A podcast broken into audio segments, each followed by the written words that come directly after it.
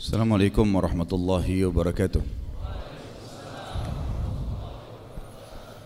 Alhamdulillah kalimat suci, kalimat mulia yang selalu terlontar dari mulut orang-orang yang suci dan mulia pula, orang-orang yang beriman kepada Sang Pencipta Allah, kepada manu, kepada Zat yang Maha Sempurna, yang Maha Suci, yang telah menciptakan semua yang di langit, semua yang di bumi dan semua yang di kedalaman lautan terjangkau atau tidak terjangkau oleh mata manusia. Zat yang tidak beranak dan tidak diperanakkan, berdiri sendiri, maha hidup dan selalu mengurus makhluknya. Tidak ada sekutu baginya dalam setiap kegiatannya dan dia dengan kemahamurahannya telah menggantungkan segala kebutuhan kita dengan kalimat Alhamdulillah. Maka sangat wajar kalau kita selalu mengucapkan kalimat ini. Selanjutnya kita panjatkan salam hormat kita kepada pemimpin, kepada suri tauladan, manusia terbaik kekasih setiap orang beriman. Manusia yang telah dipilih oleh Sang Pencipta Allah untuk dijadikan sebagai suri tauladan oleh semua manusia tanpa melihat batas negara, wilayah, warna kulit, jenis kelamin, suku, bahasa dan siapa pun yang menjadikan manusia terbaik ini sebagai suri tauladannya, menciplak hidupnya dalam kehidupan sosial, ekonomi, politik dan segala lini kehidupannya, maka dipastikan akan bahagia, tentram, serta juga akan mendapatkan kemenangan dari musuh-musuh serta juga mendapatkan solusi terbaik dari permasalahan selama hidup di dunia. Karena semua ini tergambarkan dalam kehidupan manusia terbaik ini. Mengucapkan salam hormat kepadanya dengan penuh cinta dan rindu adalah ibadah bagi orang-orang yang beriman. Maka sangat wajar kalau kita selalu membacakan salawat dan taslim kepada Nabi besar Muhammad sallallahu alaihi wasallam. Lalu teman-teman sekalian kita bersyukur kepada Allah dan tidak pernah berhenti atas nikmatnya. Dan perlunya kita mempertahankan keistiqomahan di atas wahyu Al-Quran dan Sunnah.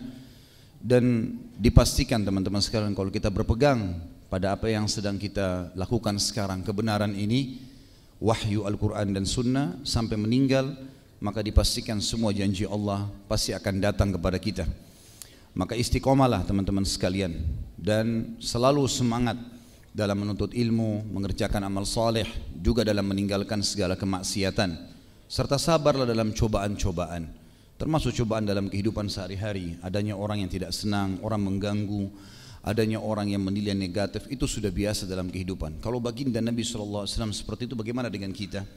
Maka butuh kesabaran dan akan kita fokus membahas tentang masalah itu pada tokoh kita pada hari ini Ammar bin Yasir radhiyallahu anhuma. Kita akan membahas tentang sahabat yang mulia. setiap kali dan setiap kali membuka lembaran-lembaran kisah tentang sahabat ini, saya pribadi kadang-kadang subhanallah meneteskan air mata tanpa kita sadari. Hati rasanya menjadi lunak dan lembut dengan membaca kisah mereka terasa dekat dengan Allah Subhanahu wa taala, termotivasi untuk mengerjakan kebaikan-kebaikan, selalu semangat meninggalkan dosa-dosa. Karena memang mereka kaum salaf kita. Mereka adalah orang yang terdahulu yang telah melalui suka duka kehidupan.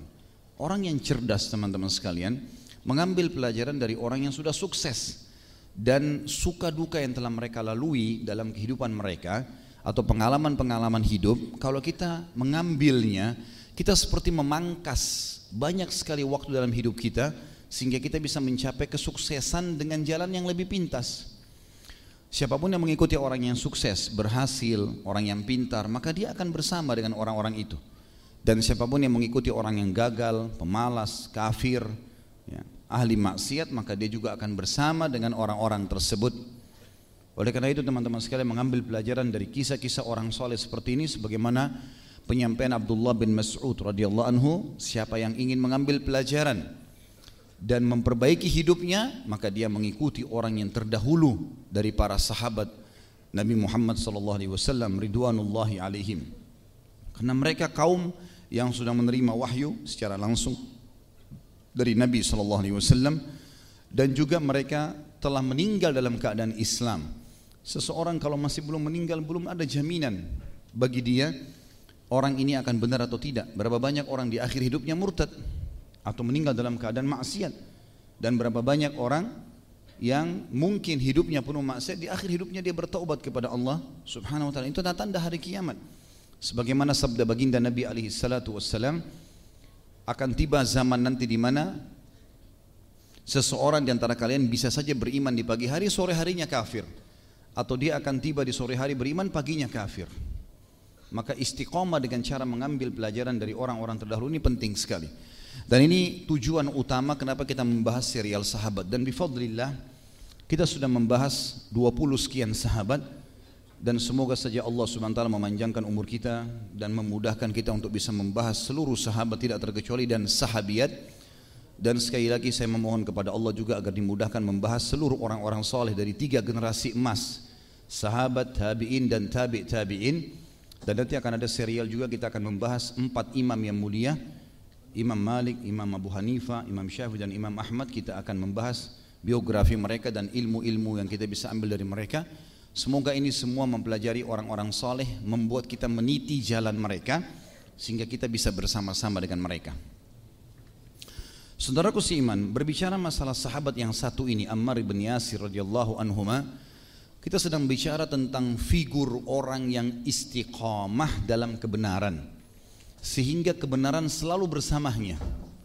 Dan Nabi SAW bersabda, Ammar selalu mendapatkan petunjuk, diikuti oleh petunjuk dan menjadi petunjuk. Karena istiqomahnya benar-benar dijaga sampai meninggal dunia. Walaupun ini menjadi ciri khas sahabat umumnya, tapi Ammar bin Yasir menonjol di situ. Seperti misal teman-teman, kita tahu sodaka dalam Islam diperintahkan, tapi ada orang menonjol karena terus istiqomah di sodaka itu. Ada orang memang buatin jadwal setiap hari tidak ada hari tanpa sodaka. Maka orang seperti ini beda dengan orang umumnya sodaka pada saat ada kesempatan. Ada orang yang istiqomah dengan sholat malam, tidak pernah ketinggalan sama sekali dan tidak pernah telat misalnya. Bahkan setiap malam kualitasnya lebih baik daripada sebelumnya. Maka orang ini lebih istiqomah daripada yang lainnya. Maka level sahabat pun ada yang seperti itu. Ada yang hadir bersama Nabi SAW di setiap hari, di setiap lima waktu sholat, di setiap kesempatan ada yang cuma hadir sejumat pada saat Jumat saja, pada saat uh, peperangan saja, pada saat musim haji ya. atau momen-momen ada yang cuma datang syahadat lalu kemudian pulang dan tidak bertemu lagi dengan baginda Nabi alaihi salatu wassalam. Ammar bin Yasir salah seorang yang luar biasa dia selalu menjaga itu istiqomah dalam hidayah yang sudah dia dapatkan dan itu akan kita lihat bagaimana dalam gambaran hidup beliau. Bermula kisahnya teman-teman sekalian dari kisah ayahnya Yasir radhiyallahu anhu. Yasir adalah Yasir bin Amir dari suku uh, Yaman yang dikenal dari wilayah Tihana. Ya. Wilayah ini terkenal dengan wilayah Yaman dan ayahnya Yasir sempat datang ke Mekah bersama dengan dua saudaranya, Al Harith dan Malik. Mereka bertiga datang ke Mekah karena ingin mengetahui tentang keadaan Mekah. Beberapa asar yang lain dikatakan ingin mencari tahu, uh, mencari pekerjaan. Tapi pada saat itu ada satu tradisi di Mekah, kalau ada orang-orang asing yang datang, kemudian dia mau menawarkan diri bekerja kayak kita sekarang jadi pegawai, maka mereka spontan ternobatkan menjadi budak, hamba sahaya.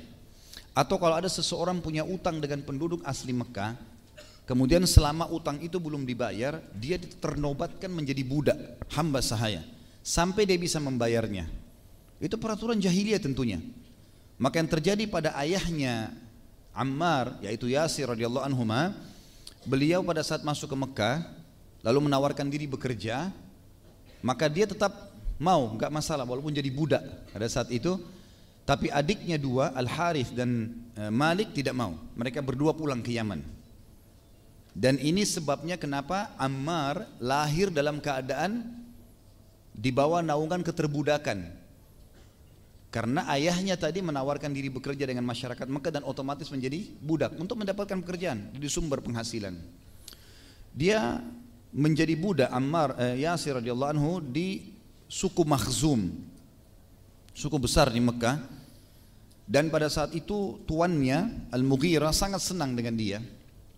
Sampai akhirnya dinikahkanlah dengan budak wanita yang bernama Sumayyah. Ya. Sumayyah binti Khibat radhiyallahu anha adalah juga seorang wanita mulia. Tapi saya tidak temukan secara pribadi Sumayyah ini kenapa sebabnya menjadi budak pada saat itu dari suku Makhzum. Yang jelas Sumayyah termasuk orang yang disayangi oleh tuannya Al-Mughirah kemudian juga sama Yasir. Maka Al-Mughirah pun menikahkan keduanya. Menikahlah dua orang manusia muda ini dan akhirnya Allah karunia mereka anak yang diberi nama Ammar, tokoh kita. Teman-teman sekalian, berjalan waktu Datanglah risalah kenabian. Dan pada saat itu Yasir, Sumayyah dan Ammar adalah keluarga yang miskin. Mereka hidup sebagai pegawai. Semuanya bekerja untuk Bani Makhzum. Ammar bin Yasir sempat lewat ke Darul Arqam mendengarkan tentang keislaman lalu dia syahadat masuk Islam dengan sangat mudah. Intinya dia langsung mengucapkan syahadat. Pada saat dia pulang ke rumahnya, dia jelaskan Islam kepada Yasir dan Sumayyah, ibu dan ayahnya. Maka keduanya pun tidak ragu untuk menerima Islam. Karena di antara konsep yang disebarkan oleh Nabi SAW di Mekah adalah selain tauhid yang difokuskan untuk menyembah Allah satu tidak ada Tuhan yang lain di langit dan di bumi dan semua ini berhala adalah makhluk batu dari sisi yang lain, secara sosial, Nabi SAW mengatakan dalam Islam tidak ada perbedaan antara orang Arab dan orang Ajam, orang kaya dan orang miskin, kecuali dengan ketakwaan. Maka budak-budak pun punya level yang sama. Sholat tidak perlu di saf belakang, boleh di saf depan. Haji mereka juga pakai ihram sebagaimana orang-orang kaya pakai. Berjihad mereka boleh di pasukan depan. Ya, bukan cuma tokoh-tokoh yang terkenal. Maka ini mendongkrak keinginan orang-orang yang tidak mampu pada saat itu di Mekah untuk bergabung ke dalam Islam dan memang ini ajaran agama yang mulia. Tidak ada perbedaannya. Kalau kita di Indonesia mungkin tukang sayur kah, tukang sampah kah, mau dengan pejabat pemerintahan sama saja. Sholat di saf sama, siapa yang lebih dulu masuk di saf tidak boleh dikeluarkan. Syarat-syarat, rukun-rukun dalam Islam, kewajiban-kewajiban sama semuanya, nggak ada bedanya, gitu kan? Maka di sini teman-teman sekalian, ini mendongkrak sekali orang-orang di Mekah untuk masuk Islam, termasuk Yasir, Sumayyah dan juga Ammar radhiyallahu anhu anjumain. Tapi ada satu keutamaan di sini teman-teman sekalian dan ini keutamaan sahabat secara umum tapi kita fokus kepada keluarga yang mulia ini dan ini keluarga ideal yang harus kita jadikan sebagai contoh buat kita menjadi suami yang baik, menjadi istri yang baik, menjadi anak yang baik, gitu kan? Di sini bentuk baktinya Ammar, dia berhasil mengajak kedua orang tuanya pada kebaikan. Dan mulianya hati ayahnya Yasir dan ibunya Sumayyah sampai mereka tidak mau menolak kebenaran. Dan ini penting teman-teman. Banyak orang di antara kita dia anggap anaknya ya status anak.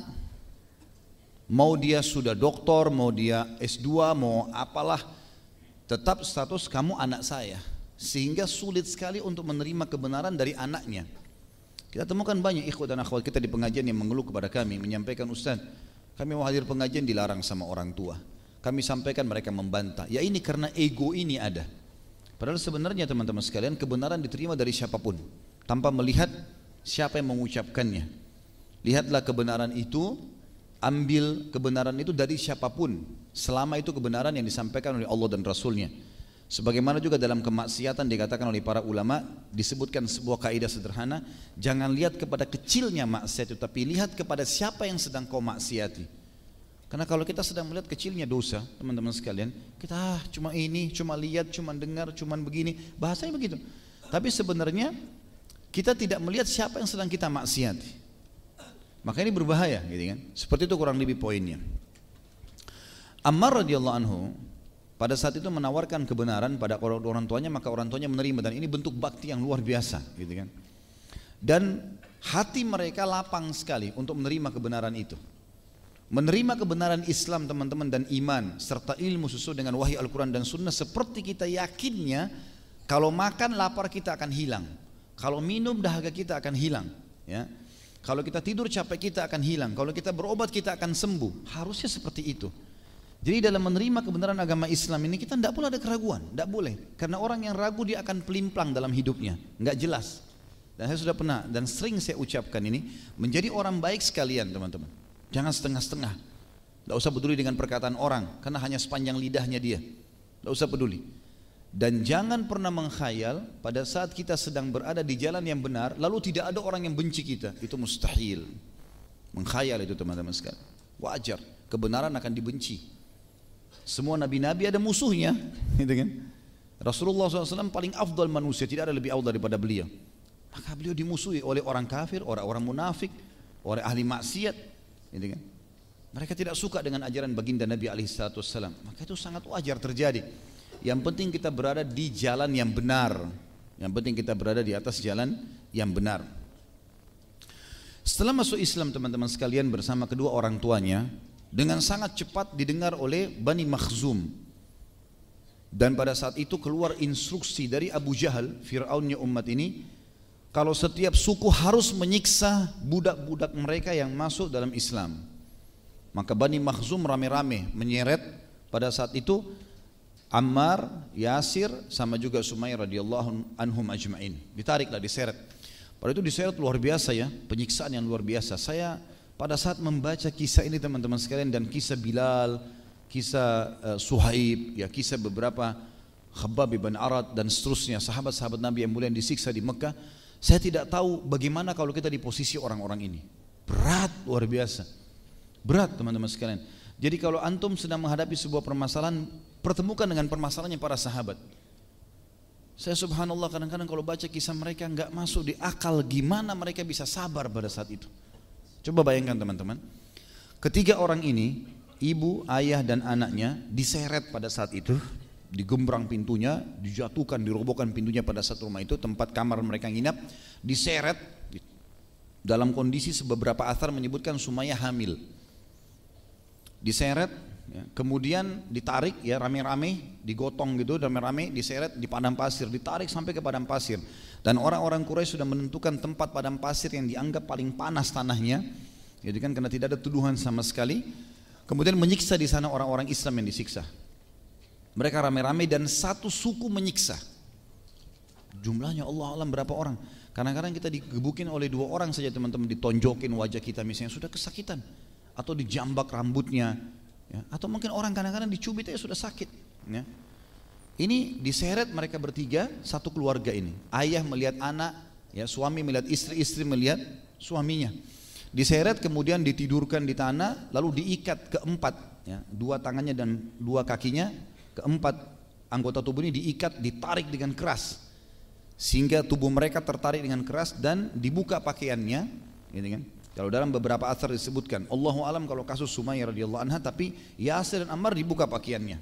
Begitu pula dengan Bilal, begitu pula dengan sahabat-sahabat Nabi yang lain yang sudah kita sebutkan kisah-kisahnya pada saat disiksa, kemudian ditempelkan badannya di pasir yang panas. Perlu teman-teman tahu ya, padang pasir itu pasir biasanya kalau kena pahaya, uh, panas, baik itu mungkin kena di biasa kalau ada kacang dijual juga ada yang digoreng dengan pasir ya Uh, biasa juga memang dia panas sekali atau ada makanan-makanan tertentu itu dipakai untuk memanasi dengan pasir yang panas. Memang pasir itu panas sekali. Dia bisa menyimpan itu ya. Sebagaimana juga kalau dingin dia bisa menyimpan dingin itu kan. Diletakkanlah tubuhnya di situ dan itu panasnya luar biasa seperti bara api.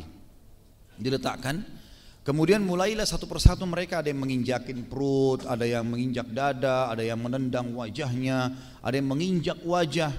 Penyiksaan yang luar biasa dan bukan satu orang, Puluhan orang bebas mau tendangin, mau pukulin, mau injak segala macam, mau pakai pisau digoresin badannya, pokoknya penyiksaan yang luar biasa. Saya nggak habis pikir teman-teman, ini saya bayangkan ini kalau terjadi pada saya dan keluarga bagaimana saya bisa sabar nih, gitu kan?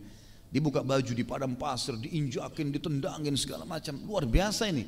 Dan ini masih di awal Islam loh ya, bukan kayak kita sekarang. Kita sekarang Quran sudah lengkap terjemahan bahasa Indonesia, kita bisa baca buku, banyak yang bisa menambah dan menguatkan iman. Bagaimana di zaman itu masih awal-awal Islam ini? Ayat Al-Quran masih turun sedikit, gitu kan? Belum ada uh, teknologi kayak kita sekarang. Luar biasa keimanan mereka, disiksa. Kemudian pada saat itu teman-teman sekalian, disiksalah dengan luar biasa ketiga orang ini. Tentu yang lain juga disiksa ya. Sampai-sampai yang luar biasa adalah ada beberapa suku Makhzum mendatangkan api.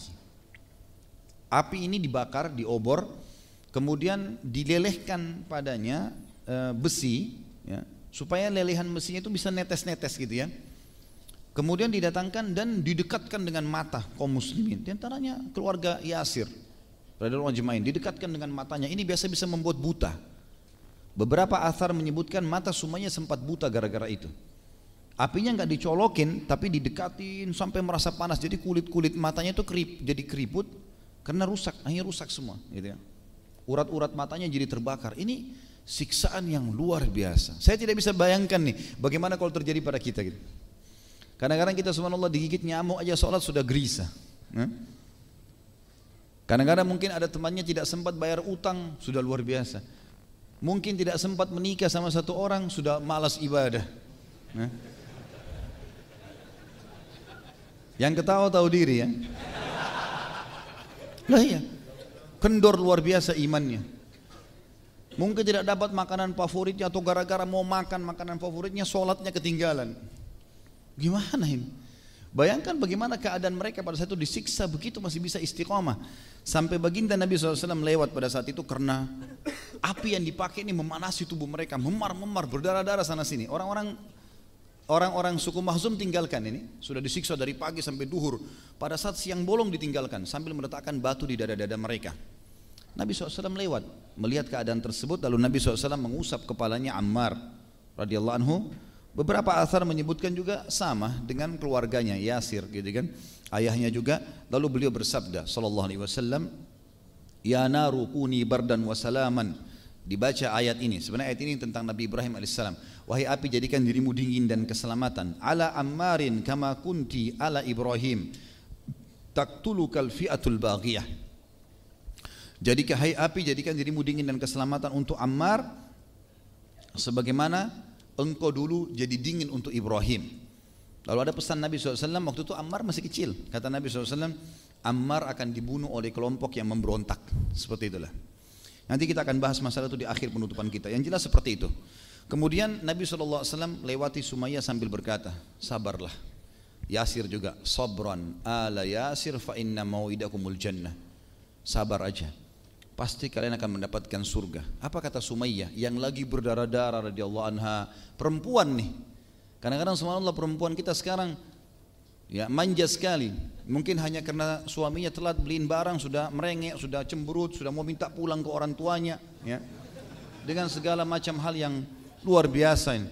Hanya karena masalah sedikit ceraikan saya, pulangkan saya.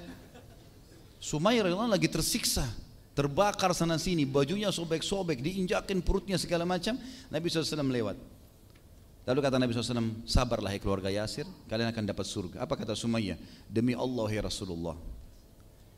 Kami yakin anda adalah utusan Allah dan kami akan pertahankan ini.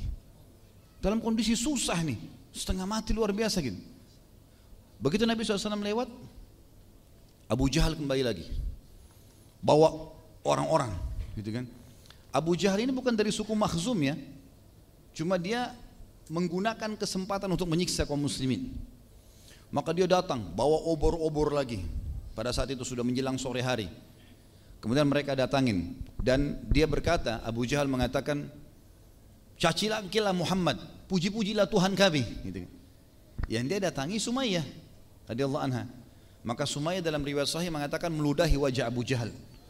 Lalu berkata, sungguh buruk engkau dan juga Tuhan-Tuhanmu. Karena emosinya Abu Jahal, dia mengambil tombak. Ini kejadian kalau kita bayangkan saya nggak tahu gimana yang luar biasanya teman-teman dia. Seorang wanita dari pagi sampai sore disiksa, berdarah-darah tubuhnya, di sebelahnya ada suaminya disiksa, anaknya semua menjerit dengan kesakitan. Kemudian datang musuh Allah dia masih bisa mempertahankan agama. Diantangkan tombak lalu dilihat Abu Jahal bilang apa? Hai Sumayyah, lihat baik-baik mata tombak ini. Saya akan tusukkan ke perutmu. Gitu kan. Caci maki Muhammad dan puji Tuhan kami. Sumaya ucapkan kalimat yang sama. Ada asar yang lain menyebutkan Abu Jahal arahkan maaf ke kemaluan Sumayyah radhiyallahu anha. Lalu kemudian Sumayyah tetap menghina dan meludahi Abu Jahal kemudian ditusuklah. Dan uniknya di sini ini bukan ditusuk ditusukin langsung mati ya. Oleh Abu Jahal itu ditusuk pelan-pelan terluka kulitnya masuk jadi sakitnya luar biasa gitu tapi kesabaran yang luar biasa pada keluarga yang mulia ini. Sampai akhirnya Sumayyah mati syahid dan terkenal wanita pertama mati syahid. Ya, radhiyallahu anha. Waktu saya baca kisah Sumayyah ini beberapa tahun lalu gitu teman-teman sekalian, saya sudah niat kalau Allah karunia saya anak perempuan saya akan namakan dan alhamdulillah Allah karuniakan saya berikan nama ini karena mulianya wanita ini, gitu kan. Jadi kita perlu juga menukil nama-nama seperti ini dan sampaikan kepada anak kita, kisah namamu ini seperti ini nak. Biarkan perjuangan Islam yang mulia ini memang terjaga di mereka, gitu kan. Bukan nama seorang maaf artis yang tidak jelas agamanya, ya, atau nama pemimpin yang tidak jelas statusnya. Tentu saya tidak bicara artis khusus ya. Maksudnya secara umum orang yang maksiat ya. Kalau ada di antara mereka yang tobat alhamdulillah. Tapi umumnya ada orang begitu, tergila-gila hanya karena kecantikan ini, hanya karena kegagahan ini, hanya kelebihan harta, akhirnya menamakan anaknya dan tidak ada sama apa apa yang diambil dari situ. Kisah sahabat dilupain padahal perjuangan yang luar biasa. Sekali lagi, ngikutin orang sukses akan sukses, ngikutin orang gagal akan gagal. Ya, gitu. Itu kaidah dari awal. Maka pada saat Sumayyah mati teman-teman sekalian kita lihat kalau posisi kita laki-laki sini melihat istri kita ditusuk oleh musuh begitu diikat teriak kesakitan. Kadang-kadang istri kita mengeluh karena flu saja. Maaf yang belum menikah ya. Apa boleh buat? Saya bahasakan. Nanti antum merasakan.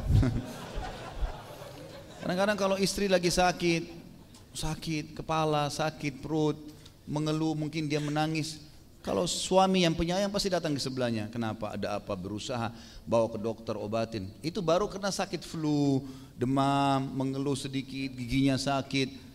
Cukup. Bagaimana kalau di sebelah kita istri lagi disiksa ini? Saya nggak bisa bayangkan Yasir radhiyallahu anhu bagaimana posisinya ini? Dia bukannya mengatakan sudahlah kalau gitu saya minta maaf. Enggak. Yasir malah mencaci maki Abu Jahal. Abu Jahal datang, yang terjadi Abu Jahal menendang dengan sangat keras, menginjak dengan sangat keras perutnya Yasir sampai Yasir pun meninggal radhiyallahu anhu, mati syahid. Tinggal Ammar radhiyallahu anhu. Ammar oleh Abu Jahal didatangin teman-teman sekalian. Kata Abu Jahal, "Wahai Ammar, kau sudah lihat tuh, ibu sama ayahmu saya siksa. Saya akan bunuh kau lebih hebat daripada saya bunuh mereka." Saya akan bakar pelan-pelan kulitmu, saya akan kuliti kamu sama pisau ini, apalah segala macam siksaan yang diancamkan. Kecuali kamu mencaci maki Muhammad dan kau memuji Tuhan kami. Ammar gak tahan. Beberapa asar dikatakan Ammar mengatakan baiklah Hubal yang agung. Hubal nama Tuhan mereka. Hubal yang agung. Sebagian ulama mengatakan di sini karena Ammar ibn Yasir dari tubuhnya dari kakinya dijalankan api itu. Terus sampai ke kepalanya. Api ditempetin, sakit sekali. Maka dia mengatakan Hubal yang agung. Waktu dia ucapkan itu, ditariklah oleh Abu Jahal api itu. Kata Abu Jahal, saya belum puas. Lewat unta nih. Sampai kau bilang unta ini Tuhanku. Kata Ammar, unta ini Tuhanku. Selesai, Abu Jahal tinggalkan. Ammar ibn Yasir radhiyallahu anhu dalam kondisi sakit, kesakitan, berdarah-darah semuanya. Waktu Abu Jahal sudah pergi dia menyesal. Kenapa tadi saya nggak ikutin kedua orang tua saya? Biarin disiksa sudah mati sekalian, gitu kan? Menyesal dalam kondisi menyesal berdarah-darah dia jalan sampai merangkak menuju ke Nabi alaihi salatu wassalam. Ya Rasulullah, halakt. Saya sudah binasa nih. Kata Nabi SAW, kenapa? Sambil disuruh sahabat obatin, bantu, dudukin dengan tenang. Dia mulailah dibantu oleh sahabat untuk diobatin, digantiin pakaiannya. Setelah tenang lalu dia mengatakan ya Rasulullah begini yang telah dilakukan oleh musuh Allah Abu Jahal kepada kami. Ibu saya sudah mati, ayah saya mati dan seterusnya saya disiksa. Maka saya mengucapkan kalimat tadi. Nabi SAW lalu mengucapkan kalimat yang mulia ya kepada Ammar. Kata Nabi SAW, apakah hatimu ikut-ikutan seperti itu? Memang kau mau memuji Tuhan mereka dan mau menganggap unta sebagai Tuhanmu? Dia bilang tidak ya Rasulullah. Hatiku sama sekali tidak. Maka kata Nabi Shallallahu Alaihi Wasallam, fa'in adu fa'ud. Kalau seandainya mereka kembali melakukan itu besok hari, maka ulangi apa yang kau lakukan. Nanti akan kita jelaskan hukum syar'inya ya. Dan ini diriwayatkan oleh Imam Hakim dan disahihkan oleh Imam Az-Zahabi. Dan pada saat itu tentunya turun firman Allah SWT dalam surah An-Nahl ayat 106 kepada Ammar radhiyallahu anhu yang bunyinya a'udzubillahi minasyaitonirrajim potongan ayat illa man ukriha wa qalbu mutmainnun bil iman kecuali orang-orang yang dipaksa kufur tapi hatinya tetap dengan keimanan maka mereka tidak berpengaruh keluar dari agama Islam. Yang jelas teman-teman sekalian kita baca dulu historinya nanti akan kita masuk ke masalah manakibnya keutamaan beliau dan juga kita akan jelaskan nanti ad-durus wal ibar pelajaran-pelajaran yang kita bisa ambil. Berjalan waktu siksaan sudah meredah kepada Ammar Itu puncaknya tadi karena Abu Jahal pikir dia sudah murtad, gitu kan. Tiba saat hijrah, karena Nabi SAW sudah diizinkan untuk hijrah, maka Ammar pun hijrah ke Madinah. Dan pada saat hijrah ke Madinah, tentu ada cucunya, ya, cucunya Ammar bernama Qasim dan anaknya bernama Abdurrahman. Ini menceritakan tentang ayahnya, Ammar. Dikatakan bahwasanya bahwasan Ammar tiba di Madinah, maka yang paling pertama matanya menyoroti Madinah tidak ada masjid. Sementara ini adalah kota Islam. Maka beliau langsung menyampaikan kepada Nabi alaihi salatu wassalam, "Ya Rasulullah, alangkah baiknya kalau kita membangun masjid." Waktu Nabi baru tiba, gitu kan. Maka Nabi SAW mengatakan bangun masjid.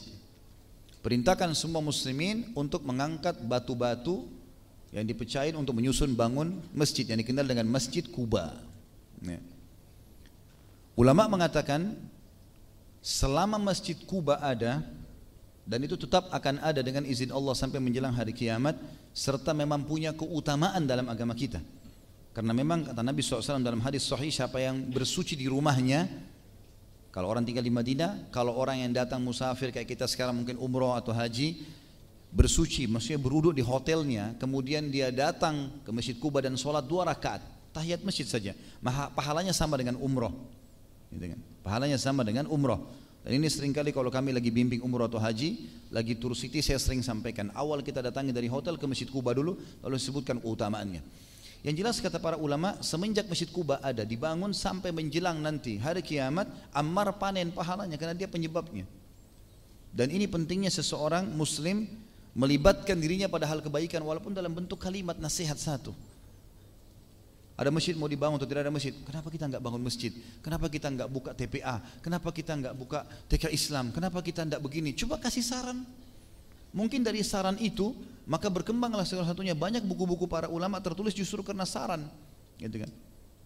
Maka ini penting teman-teman sekalian berbagi kebaikan. Tentu kita tidak boleh mencampuri segala urusan orang, tapi pada saat memang itu bersifat umum dan kita bisa memberikan saran, kita berikan saran. Mungkin itu bisa menjadi penyebab terjadinya sesuatu. Maka Nabi SAW pun menyuruh mengangkat batu-batu dan semua sahabat itu, mengangkat satu batu saja kecuali Ammar bin Yasir radhiyallahu anhu beliau mengangkat dua batu sekaligus karena badannya cukup kekar maka dia mengangkat dua batu kata Nabi SAW semua orang mendapatkan satu pahala Ammar kecuali kamu dalam riwayat lain dikatakan sahih Ammar bin Yasir mengangkat dua batu dengan membuka baju bagian atasnya memasukkan batu dan dia memikulnya dan sangat berat batu itu. Lalu kata Nabi SAW dari jarak jauh, kesian Ammar dia akan diperangi oleh kelompok yang memberontak. Gitu kan. Dia akan dibunuh oleh kelompok yang memberontak. Seperti itulah. Yang jelas pada saat itu kita ambil pelajaran teman-teman sekalian yang dia lakukan pertama sekali pada saat hijrah memberikan ide kepada Nabi SAW untuk membangun masjid. Berjalan waktu teman-teman sekalian, tentu akan kita lengkapkan nanti dengan manakibnya ya, keutamaan beliau. Berjalan waktu teman-teman sekalian, terjadilah jihad di alam jihad di zaman baginda Nabi Alaihissalam dan Ammar termasuk orang yang tidak luput satupun peperangan Nabi SAW, peperangan Abu Bakar, peperangan Umar, juga di zaman Uthman bin Affan beliau memiliki beberapa kedudukan dan beliau wafat nanti di zaman Ali radhiyallahu anhu ajma'in. Jadi termasuk sahabat yang dipanjangkan umurnya sampai 93 tahun radhiyallahu anhum ajma'in dipanjangkan oleh Allah Subhanahu wa taala. Dan ini juga sebuah keutamaan karena para sahabat menghadiri peperangan terutama Ammar ya. Dan uh, di lembaran jihad yang paling banyak disebutkan uh, masalah keutamaan beliau adalah uh, selain peperangan bersama Nabi SAW adalah peperang perang Yamamah namanya waktu melawan Musailam al-Kadzab namun ini tidak kita rincikan peperangannya nanti kita pada saat bahas sahabat Khalid bin Walid radhiyallahu anhu majma'in ini baru saya bahas. Karena pemimpin perangnya adalah Khalid bin Walid radhiyallahu anhu majma'in. Tapi di sini Ammar melihat pada saat itu muslimin mulai kendor, maka beliau pun berteriak dengan suara keras di kancah peperangan memotivasi para sahabat sebagaimana Ibnu Umar radhiyallahu meriwayatkan pada perang Yamama aku melihat Ammar berdiri di atas sebuah batu lalu dia berseru pada saat melihat manusia mulai kendor keimanannya ketakutan dengan musuh, maka beliau berkata, wahai kaum muslimin, apakah kalian berlari dari surga? Ngapain lari dari musuh? Mau dipotong tangan, mau ditusuk, mau dibakar, itu urusan tidak ada masalah, gitu kan? Bahkan sebagian ulama mengatakan siapa yang meniatkan ikhlas pada saat dihukum oleh musuh-musuh, maka Allah akan buat siksanya tidak terasa baginya. Ini membuat salah satu rahasia kenapa para sahabat yang disiksa akhirnya mereka bisa bertahan di situ ya. Ada sakit tapi seperti orang yang biasa, bukan orang yang kalau ketakutan maka malah makin parah buat dia gitu kan. Dikatakan Ammar ibn Yasir berdiri di atas sebuah batu lalu dia berseru wahai kaum muslimin apakah kalian berlari dari surga? Aku adalah Ammar ibn Yasir, kemarilah kalian semua. Maksudnya adalah Nabi SAW pernah bersabda kita akan sebutkan dalam keutamaan beliau kalau ambillah petunjuk dari Ammar atau ikuti petunjuk Ammar dari tersebar di kalangan sahabat kalau Ammar buat sesuatu berarti ikuti saja, tidak mungkin salah. Maka beliau menggunakan tanda kutip sini menunggangi keutamaan itu lalu beliau mengatakan aku adalah Ammar bin Yasir maka ikutlah. Ini pasti kebenaran. Barulah para pasukan muslimin bersatu di situ kemudian memenangkan peperangan. Dan karena gigihnya berperang sampai beliau pada saat itu terpotong kupingnya. Teriris kupingnya. Jadi Ammar bin Yasir dari peperangan Yamamah pada saat itu uh, beliau terpotong terupis kurang lebih di tahun 37 Hijriah ini ya. Terpotong kupingnya sampai beliau meninggal radhiyallahu anhu majma'in beliau juga setelah peperangan Yamama berjalan gitu kan beliau sempat uh, maaf sebelumnya kalau kita review beliau juga punya satu uh, kedudukan yang tinggi di sini secara duniawi. Di zaman Umar bin Khattab beliau diangkat diangkat menjadi gubernur Kufah gubernur Kufah Kufah salah satu kota di Irak yang dibangun oleh uh, oleh Umar radhiyallahu anhu uh, dan Ammar, Ammar diutus menjadi gubernur di situ. Umar bin Khattab menulis surat kepada penduduk Kufa disebutkan dalam riwayat dari Haritha bin Mudarrib rahimahullah seorang tabi'in ia berkata surat Umar bin Khattab dibacakan kepada kami penduduk Kufa isinya amma ba'd setelah ini akan saya sampaikan itu maknanya. Sesungguhnya aku mengirim kepada kalian Ammar bin Yasir sebagai gubernur dan Ibnu Mas'ud, Abdullah bin Mas'ud sebagai pendidik dan pendukung. Dua orang ini termasuk sahabat Muhammad unggulan dan termasuk orang-orang yang ikut dalam perang Badar. Dengarkanlah dan taati keduanya. Aku lebih mementingkan kalian atas diriku dengan mengirim Ibnu Ibnu Ibnu Abd atau Abdullah bin Mas'ud. Berarti di sini ada risalah Umar bin Khattab untuk memilih beliau menjadi uh, gubernur. Dinukil tentang beberapa, hal yang beliau lakukan pada saat jadi gubernur. Dikatakan, uh, maaf, masih riwayat tadi Umar bin Khattab dulu, Syuraik berkata, Umar berkata kepada penduduk Kufa, aku mendahulukan kalian dari daripada diriku. Maksudnya aku lebih butuh kepada orang ini, kedua orang ini dengan mengirim keduanya kepada kalian. Ammar bin Yasir dan juga Abdullah bin Mas'ud. Abdullah bin Abi Huzail juga berkata, aku melihat Ammar pada saat jadi gubernur membeli rerumputan atau makanan ternak seharga satu dirham. Dia memangkulnya, memanggulnya di pundaknya padahal dia adalah seorang gubernur Kufa. Dan ada beberapa yang dinukil tentu kisahnya dia selalu ada di pasar, dia selalu berkeliling di kota Kufa mencari apakah ada masyarakat penduduk yang butuh bantuan dan seterusnya. Dan perlu diketahui teman-teman sekalian, penduduk Kufa ini penduduk yang terkenal sangat kritis. Di zaman Umar bin Khattab, kota yang paling sering diganti gubernurnya, wilayah yang sering itu adalah Kufah. Karena Umar bin Khattab punya satu hal, ini apa namanya sistem beliau dalam pemerintahan. Kalau gubernur atau kalau kita mungkin wali kota sekarang yang dipilih oleh Umar, kalau ditemukan ada satu saja masyarakat yang mengeluh tentang dia dan dipastikan keluhan itu benar, ya, misalnya dia pernah minta sesuatu tidak dipenuhi oleh gubernurnya misalnya, satu kali aja atau ada orang yang bercerita tentang keburukan misalnya mabuk atau lalai dari sholat berjamaah. Gubernur nggak ikut sholat di masjid jamek misalnya. Dia harus jadi imam gitu kan? Dia nggak ada hadir sekali saja satu sholat. Umar tanya apa uzurmu? Kalau bukan tidak ada uzur syari langsung dicopot nggak boleh lagi bertugas. Satu kali lalai dari sholat. Ada keluhan masyarakat. Kita Allahu alam sekarang. Keluhan bertubi-tubi tidak dipedulikan gitu kan? Semoga Allah kasih hidayah. Tapi yang jelas ya itu di zaman Umar bin Khattab seperti itu kritisnya. Ammar bin Yasir ini pada saat dia datang, dia gubernur yang kesekian di Kufa ya. Ditanya masyarakat Kufa oleh Umar, bagaimana keadaannya? Gubernur yang saya utus ke sana. Uniknya seluruh masyarakat Kufa mengatakan, Allah lah yang telah memilih dia untuk kami. Maksudnya ini luar biasa orang ini gitu. Luar biasa, kami sangat cocok dengan dia. Dan bukan anda wahai Amir Mu'minin. Kata Umar, demi Allah aku yang telah memilihnya dan aku bertanggung jawab. Sampaikan tentang keadaannya. Maka masyarakat mengatakan kami tidak menemukan kecuali kebaikan. Tapi setelah berjalan sekian waktu, ada satu orang mengeluh tentang Ammar. Mengeluh tentang Ammar, mengatakan, Mengirim surat kepada Umar, ya Amir Mu'minin kebutuhan saya pribadi nggak dipenuhi sama Ammar. Kebutuhan saya satu, dua, tiga, empat, lima. Padahal Ammar ada alasan kenapa nggak dikasih orang ini. Karena dia meminta lebih dari orang lain gitu kan. Tapi ada keluh kesahnya. Maka oleh Umar bin Khattab dicopot. Ya. Dipanggil Ammar, dikatakan saya berhentikan kamu bertugas. Kata Ammar baiklah, selesai.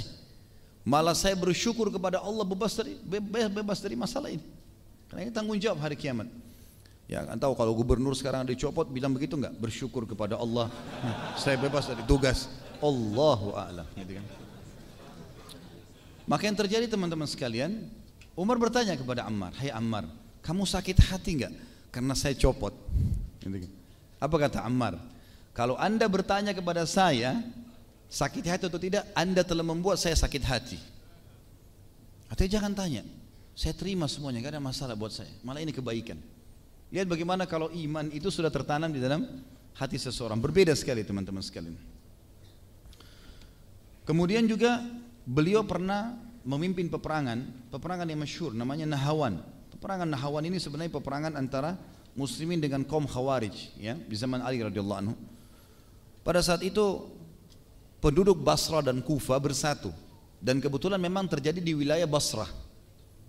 Kota lain ya.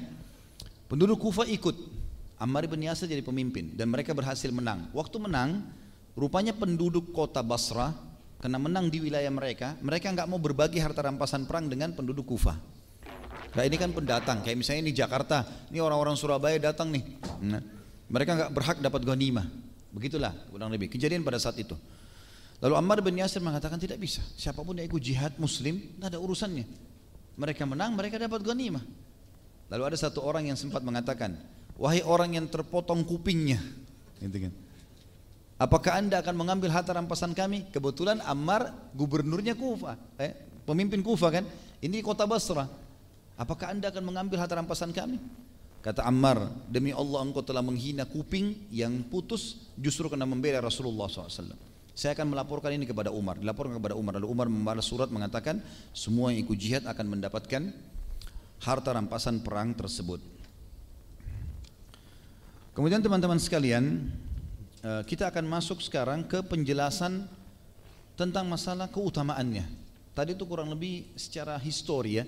Dan saya belum bahas masalah kematiannya karena memang kita akan bahas secara khusus di penubuhan bahasan kita. Karena kematiannya e, memiliki hukum syar'i di sini. Memiliki sebuah penjelasan masalah mukjizat baginda Nabi alaihi salatu wassalam. Kita akan mulai teman-teman di manakibnya, di keutamaan beliau adalah yang pertama beliau termasuk orang yang pertama masuk Islam di Mekah dan ini keutamaan. Sebagaimana sudah saya sebutkan tadi tidak mudah untuk menjadi sahabat di Mekah. Bayangkan kalau kita hidup pada saat itu Allahu alam, apakah kita jadi Abu Jahal atau jadi Abu Bakar? Ya. Ya, sekarang saja malasnya ke masjid, gitu kan. Apalagi zaman itu disiksa. Ya.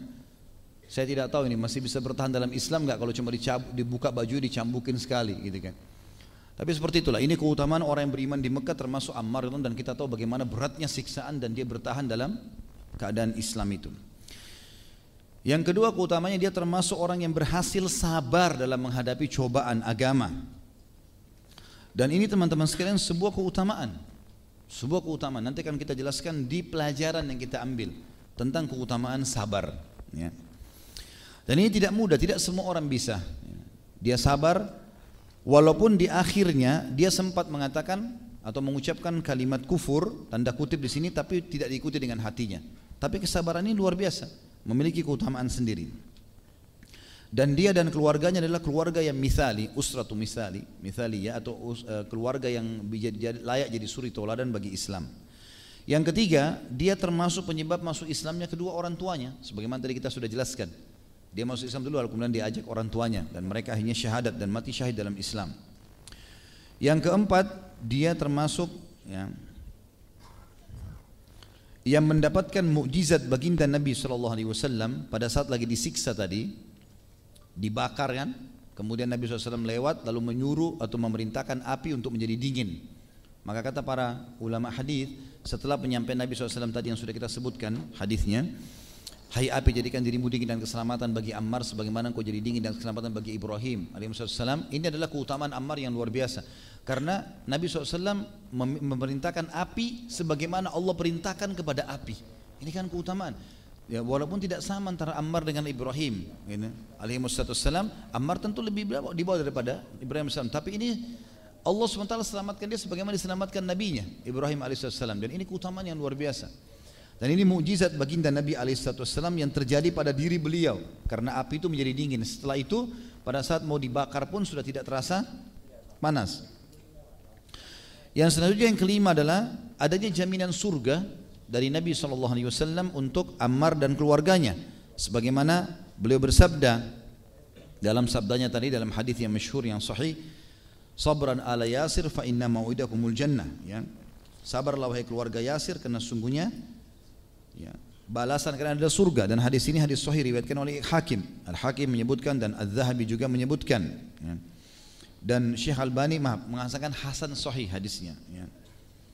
Kemudian juga dalam riwayat lain di mana Nabi SAW mengatakan abshiru ala ammarin fa inna mau'idakumul jannah bergembiralah wahai keluarga Ammar karena tempat kembali kalian yang dijanjikan adalah surga. Sebagian ulama hadis mengatakan makna kalimat ini adalah sebentar lagi kalian akan meninggal, ada di antara kalian meninggal dan pasti masuk surga. Makanya mereka sangat gembira dengan penyampaian Nabi SAW dan siksaan mereka terasa ringan karena kalimat ini. Yang keenam dari keutamanya adalah Nabi SAW memberikan julukan kepadanya dengan laki-laki yang baik, maaf, laki-laki yang terbaik dan laki-laki yang layak untuk dijadikan sebagai pujian terbaik. Sebagaimana sabda Nabi SAW dalam hadis masyhur kata beliau eh, dan ini kesaksian Nabi kepada Ammar ya. Waktu melihat Ammar ya, datang ke rumah beliau lalu beliau mengatakan siapa kata Nabi SAW kata Ammar aku ya Rasulullah Ammar bin Yasir Kata Nabi SAW, marhaban bitayyibil mutayyab. Ya. Selamat datang wahai orang yang baik dan juga orang yang layak untuk diberikan predikat baik itu. Dan hadis ini diriwayatkan oleh Hakim. Ya. Yang ketujuh, mencintai Ammar ya, adalah bagian daripada keimanan secara khusus pribadi. Walaupun semua sahabat punya keutamaan ini ya, tapi Ammar disebutkan namanya dan ini penghususan dari Nabi Alaihissalam. Dan ini terjadi teman-teman sekalian ada sebuah riwayat yang sahih diriwayatkan oleh Imam Ahmad dan kalau yang pegang buku bisa lihat di halaman 346 tentunya ya. Khalid bin Walid berkata, "Anu saya pernah punya masalah dengan Ammar.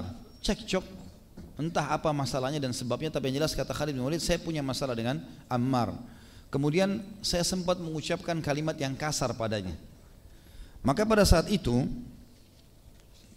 kata Khalid bin Walid, saya tiba-tiba saja ya, mendengarkan Nabi SAW menyebutkan kalimat pada saat tahu saya punya masalah dengan Ammar man ada ammaran adahullah wa man abghada ammaran abghadahullah. Siapa yang memusuhi Ammar maka Allah pasti akan memusuhinya. Dan barang siapa yang membenci Ammar Allah pun akan membencinya Allah pun akan membencinya dan ini sebuah keutamaan yang luar biasa karena memang Nabi Alaihissalam langsung menegur Khalid bin, Walid, Khalid bin Walid dan juga menyebutkan ini untuk semua sahabat yang lain. Jadi tidak boleh ada yang punya musuh dengan Ammar. Dan semenjak itu kata Khalid bin Walid, aku pun keluar dan mencari Ammar dan tidak ada yang lebih aku cintai daripada pemaafan Ammar. Maka aku pun bertemu dengannya dan minta maaf dan Ammar pun memaafkanku. Yang ke delapan teman-teman sekalian, imannya sempurna. Ammar termasuk orang yang disampaikan oleh Nabi Shallallahu Alaihi Wasallam kalau dia imannya sudah sempurna. Bahkan iman itu masuk ke tulang-tulang dan sumsumnya. Sebagaimana sabda Nabi alaihi di dalam sebuah hadis yang sahih Ammar muli al iman ila musyashih. Ini diriwayatkan oleh Abu Nuaim Ammar ya, telah dimasuki atau iman telah masuk dalam tulang-tulang eh, telah, telah mendapatkan iman dan masuk sampai ke tulang-tulang rusuknya atau tulang-tulang dan sumsum -sum tulangnya. Dalam riwayat lain kata Nabi SAW, Ammar mulia imanan ila musyashi. Sesungguhnya Ammar telah dipenuhi dengan keimanan sampai ke tulang-tulangnya. Yang kesembilan, keutamaan Ammar. Kata Nabi SAW, maaf yang kesembilan di sini eh, kita diperintahkan untuk mengambil petunjuk darinya. Semua perilaku Ammar kita dianjurkan untuk mengambil petunjuk darinya. Sebagaimana sabda Nabi alaihi salatu wassalam dalam hadis yang masyhur Iktadu billadaini min ba'di min ashabi. Ambillah selalu petunjuk dari dua orang sahabatku ya, setelah aku meninggal Abi Bakar wa Umar Abu Bakar dan Umar wahtadu bihadi Ammar. Dan selalu ambil petunjuk yang lebih khusus lagi daripada Ammar. Jadi di sini Abu Bakar sama Umar disatukan oleh Nabi SAW tapi Ammar disendirikan. Secara khusus kalau mau ikuti secara pribadi maka Ammar ikuti. Kemudian dikatakan watamassaku bi ahdi ibnu Mas'ud. Dan selalulah berpegang pada wasiatnya Abdullah bin Mas'ud. Dan ini sebabnya kenapa Umar bin Khattab mengutus ke Kufa dua orang ini. Ammar bin Yasir jadi gubernur dan Abdullah bin Mas'ud sebagai pengajar. Juga Nabi SAW bersabda dalam sebuah hadis yang sahih diriwayatkan Tirmidzi, Imam Ahmad dan juga Ibnu Majah, "Ma khuyira Ammarun baina amrayni illa ikhtara arsyadahuma." Ammar tidak pernah diberikan dua pilihan kecuali beliau kecuali dia pasti akan memilih yang terbaik. Artinya jangan pernah luput kalau Ammar pilih A ya A. Maka ikutilah dia seperti itu. Dan ini keutamaan juga untuk beliau secara pribadi. Kemudian yang ke-10 teman-teman sekalian dipastikan Ammar juga selamat dari segala godaan syaitan. Jadi selama ini kan kita tahu Umar bin Khattab radhiyallahu anhu ya, yang syaitan lari dari ternyata Ammar juga sama. Ammar juga sama. Dan itu diberikan kesaksian oleh Abu Darda radhiyallahu anhum ajma'in ya. Disebutkan dalam sebuah riwayat bahwasanya Abu Darda pernah berkata kepada salah satu tabi'in yang kebetulan datang kepadanya ya. Jadi oh, tabi'in ini kebetulan dia bernama Al-Qamah rahimahullah. Beliau berkata aku datang ke negeri Syam. Lalu aku sholat dua rakaat kemudian aku berdoa di masjid jami'nya negeri Syam. Ya Allah mudahkan aku untuk menemukan kawan yang saleh. Lalu aku mendatangi satu kaum Ya, maksudnya dalam masjid itu lagi ngumpul, aku coba duduk bersama mereka. Tiba-tiba seorang laki-laki yang telah berumur datang dan duduk di sampingku. Aku bertanya, siapa anda ini? Kata Alqamah bertanya kepada orang yang baru datang. Lalu uh, maaf, dia bertanya kepada eh, orang-orang yang ada, bukan kepada orang itu. Dikatakan siapa orang ini? Alqamah bertanya kepada orang sekitarnya. Lalu mereka menjawab Abu Darda. Aku berkata kepadanya langsung kepada Abu Darda, sungguhnya aku telah berdoa kepada Allah agar memudahkan aku untuk menemukan seorang kawan yang saleh. Maka Allah mengirim anda kepadaku. Lalu Abu Darda bertanya kepadanya, dari mana asalmu? Dia mengatakan dari Kufah. Yang pada saat itu ya Ammar lagi jadi gubernur di sana. Lalu kata Abu Darda, bukankah di sana ada ibnu Umm Abdi, ya, maksudnya ibnu Mas'ud, Abdullah bin Mas'ud, orang yang menyiapkan sepasang sandar Rasulullah SAW, tikar dan air bersuci beliau, Bukankah di sana ada seorang laki-laki yang dilindungi dari syaitan melalui lisan nabinya? Jadi kan?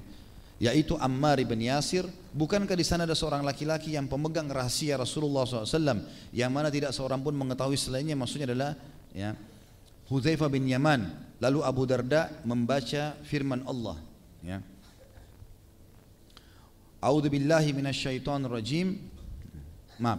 Lalu Abu Darda bertanya, bagaimana Abdullah membaca firman Allah walaili idza yaghsha dan demi malam pada saat ia menutupinya maka Al-Qamah berkata aku, aku maka ku bacakan kepadanya a'udzubillahi minasyaitonir walaili idza yaghsha wan nahari idza tajalla wa ma khalaqadz dzakara wal untha demi malam ketika ia menutupi demi siang ketika ia terang benderang dan penciptaan laki-laki dan perempuan Abu Darda berkata demi Allah Rasulullah SAW telah membacanya kepadaku dari mulut beliau kepada mulutku seperti tadi itu Ya.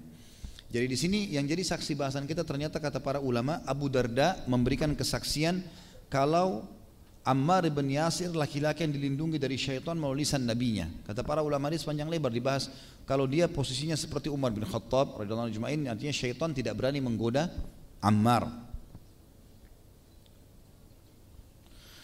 Selanjutnya teman-teman sekalian, itu tadi yang ke-10 kesaksian Abu Darda tentang Ammar akan selamat dari godaan syaitan. Yang ke-11, Ammar mati syahid dan matinya Ammar adalah merupakan kebenaran sedang berada kepada Ali radhiyallahu anhu ajma'in dan juga mukjizat dari Nabi alaihi salatu wassalam. Saya jelaskan dulu.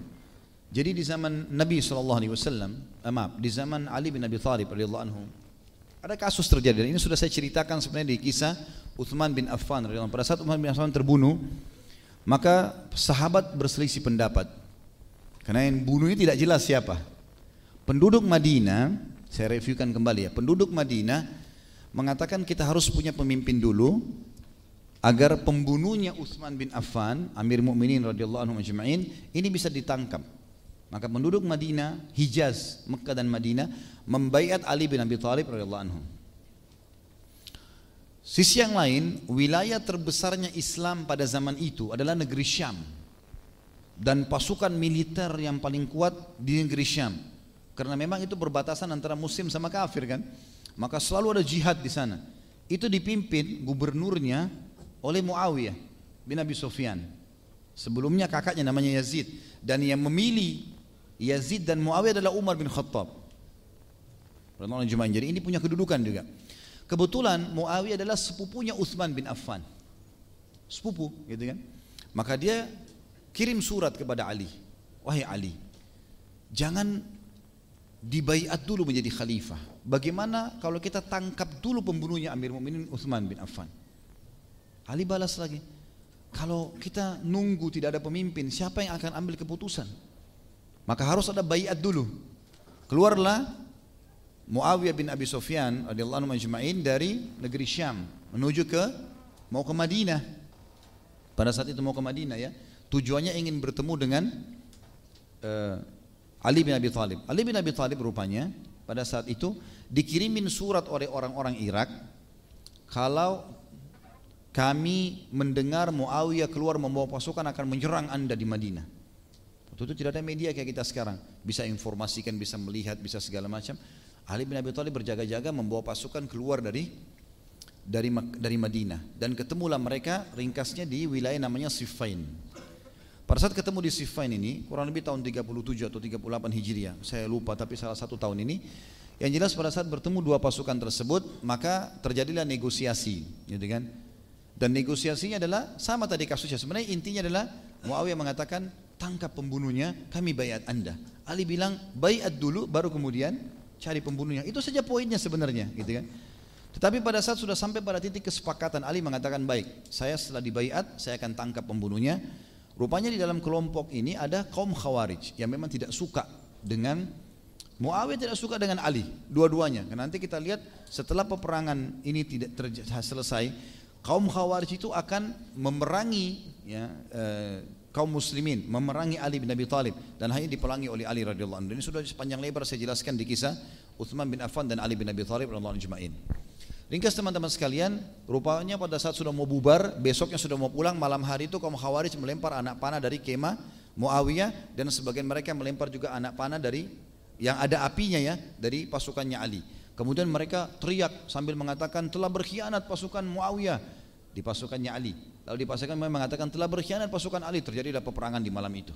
Tidak bisa dibendung lagi. Itu kan terjadi fitnah. Pada saat itu teman-teman sekalian, di pasukan Ali bin Abi Thalib waktu itu ada Ammar bin Yasir radhiyallahu anhu jema'in. Ammar tidak pernah mau tinggalan kesempatan jihad. Waktu Ali ngajak, dia tahu ini pemerintah resmi sudah dibaiat, maka dia pun ikut, gitu kan? Terjadi peperangan pada saat itu, teman-teman sekalian. Terjadi peperangan. Pada saat terjadi peperangan ini, dan Ammar sudah tahu kesepakatan antara Muawiyah sama Ali sudah jelas. Mereka akan bubar, berarti ada penyebab fitnah nih.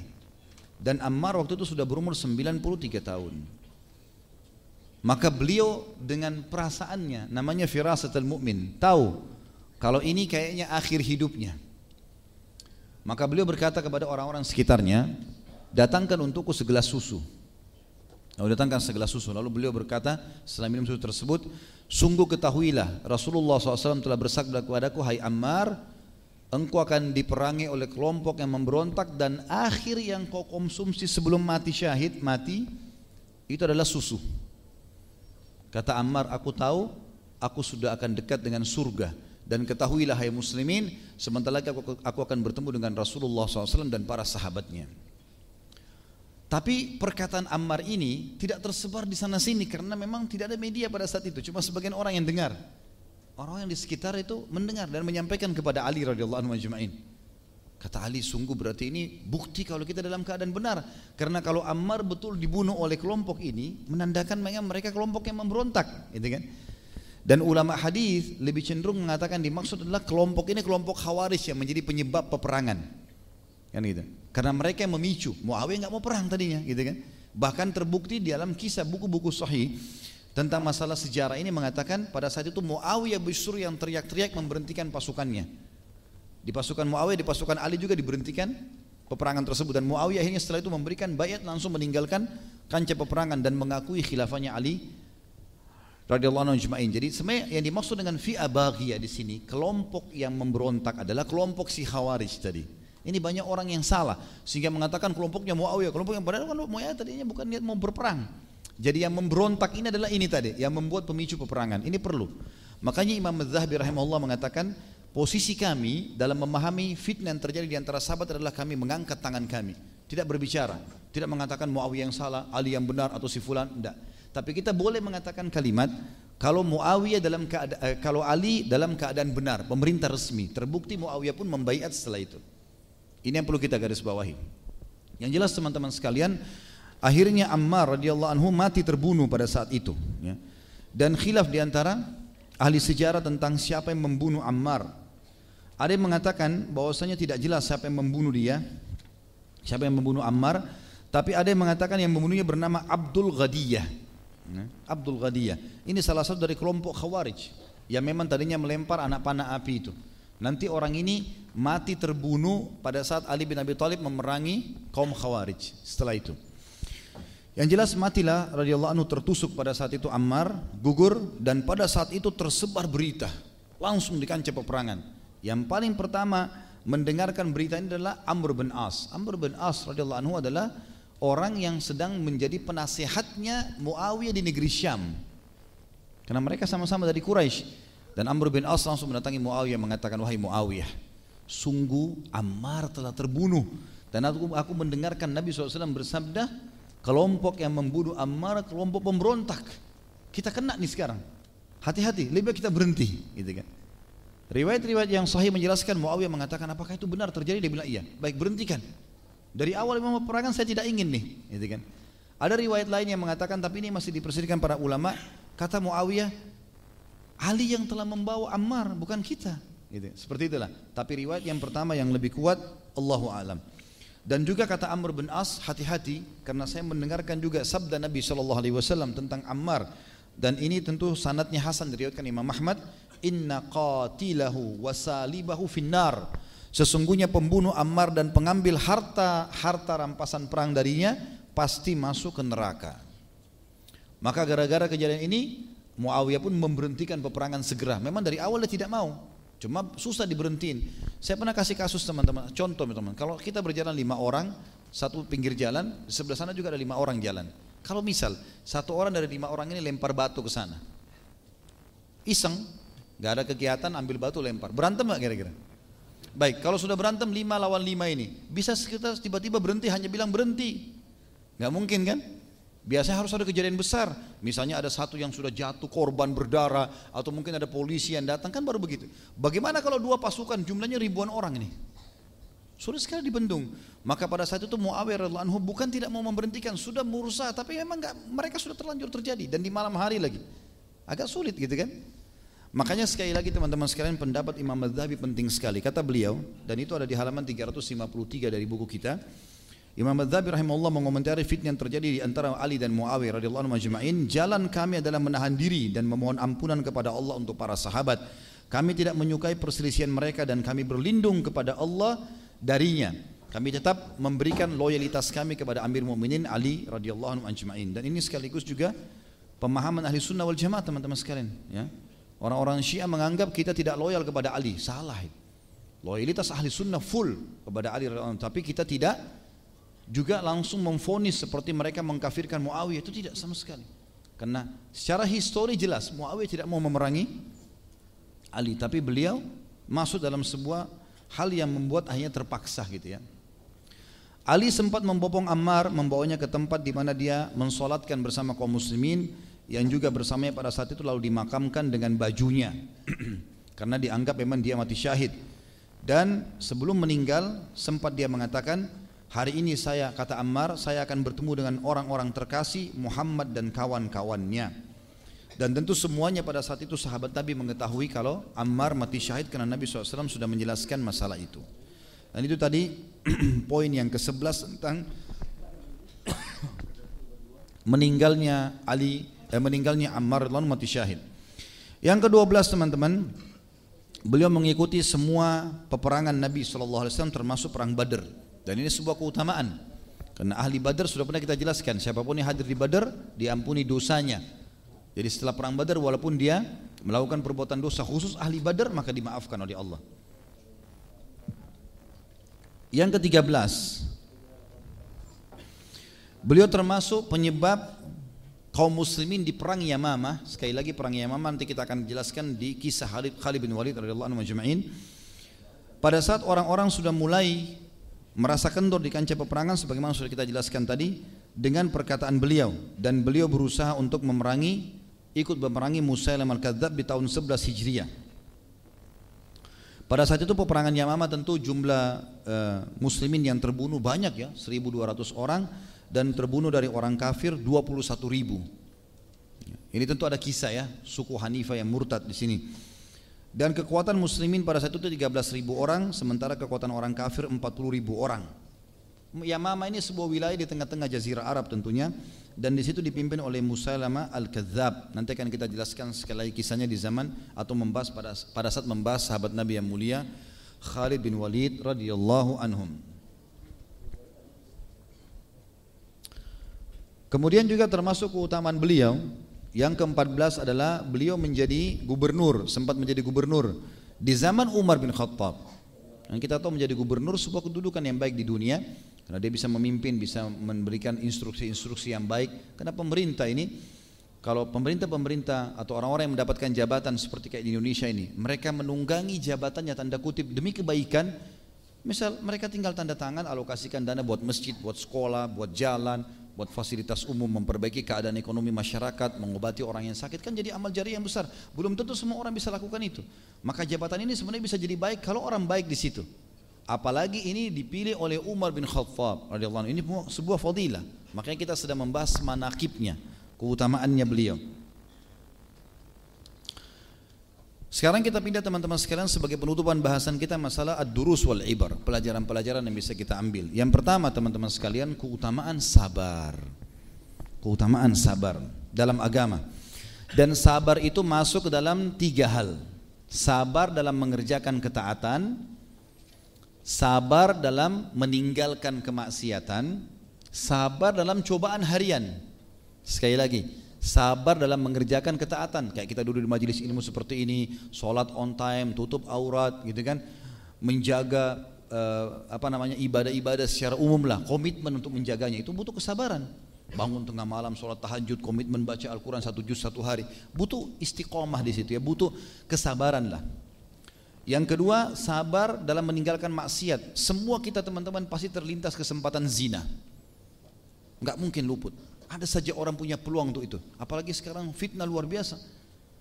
Orang kalau mau zina dia tinggal masuk kamar hotel, dia tinggal ini, dia tinggal itu. Manusia mungkin bisa dikelabui sama dia. Atau dia keluar negeri. Apalah dia bisa lakukan, bisa sembunyi. Sekarang medianya luar biasa terbuka untuk itu. Di HP-nya saja dia bisa berzina. Karena kata Nabi SAW, mata bisa berzina, telinga berzina. Mata dengan zinanya dalam melihat, telinga zinanya mendengar, mulut li, li, uh, zinanya mengucapkan kata-kata kotor, tangan zinanya menjamah, kaki zinanya melangkah dan kemaluan membenarkan semua itu.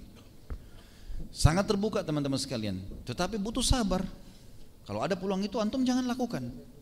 Jangan bilang ini mumpung kesempatan. Nggak boleh. Sabar. Pasti terlintas. Nabi Yusuf alaihissalam punya kesempatan zina nggak? Di kamar istrinya raja, wanita cantik sempurna di kamarnya sudah wangi. Lalu mengatakan hai talak silakan buat apa saja. Sabar gak antum kalau gitu? Ini perempuannya nggak ganggu aja dia yang gangguin gimana?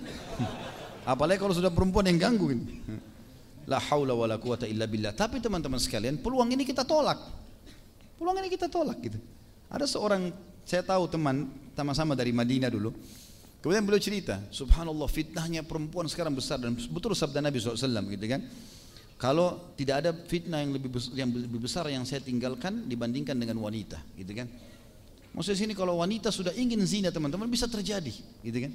Tapi kalau perempuan itu menahan, makanya kita nasihati muslimah dan akhwat kita.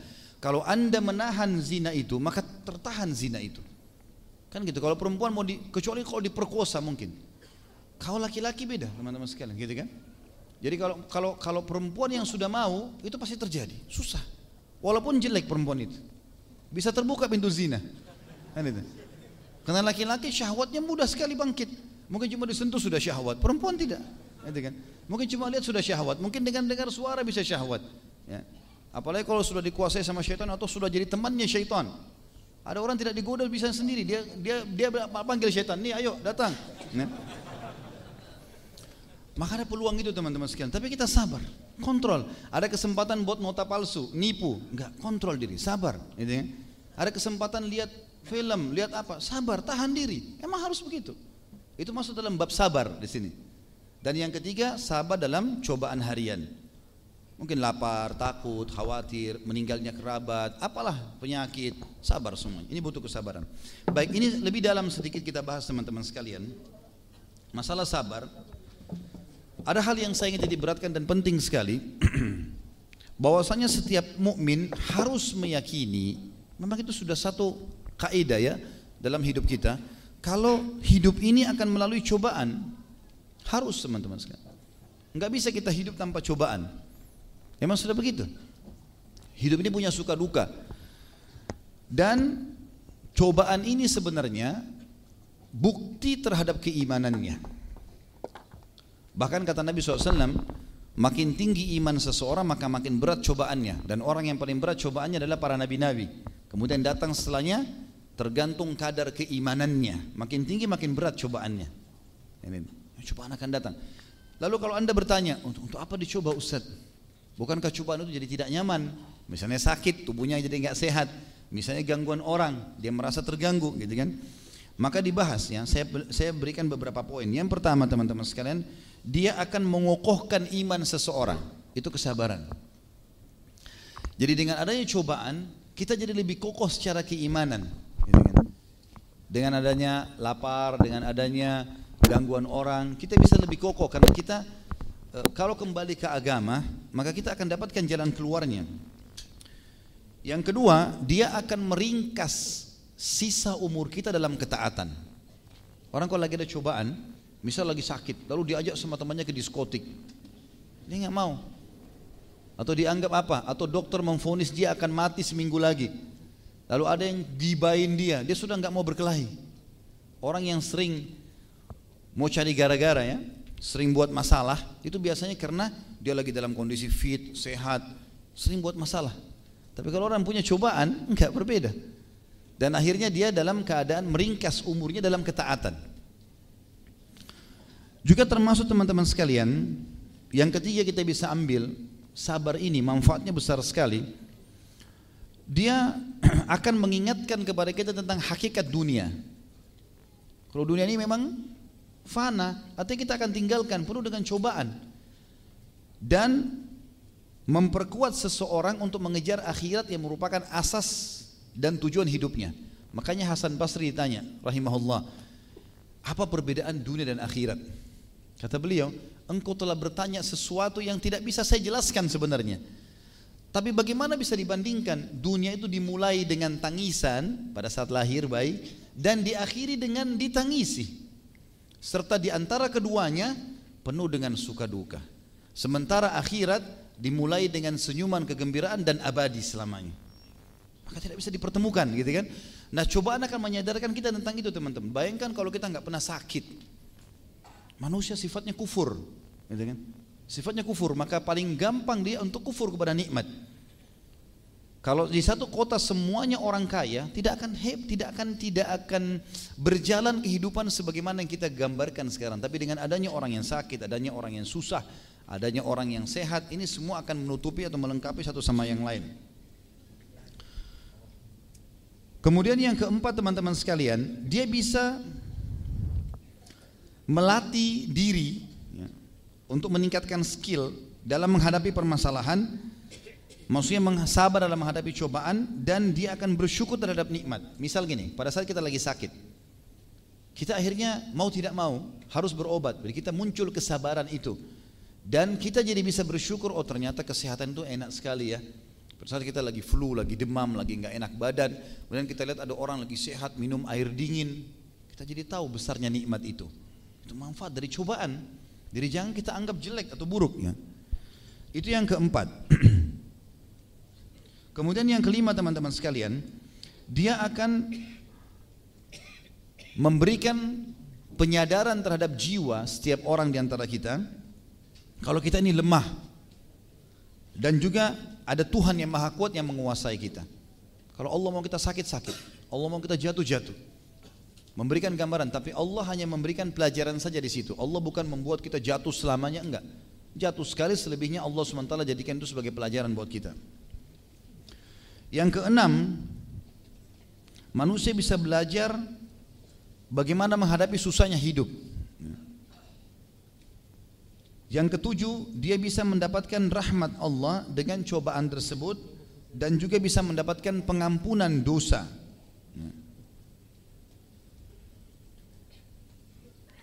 Sebagaimana Allah Subhanahu wa taala telah berfirman di dalam Al-Qur'an dan ini diangkat juga oleh penulis tentunya dalam buku ini. A'udzu billahi minasyaitonir rajim. Kita mulai dengan surah Al-Ankabut surah nomor 29 ayat 2 sampai ayat 7. Tentu penulis cuma mengangkat satu ayat ya. Saya menambahkan sampai lima ayat ini dengan tujuan lebih melengkapkan informasi kepada kita.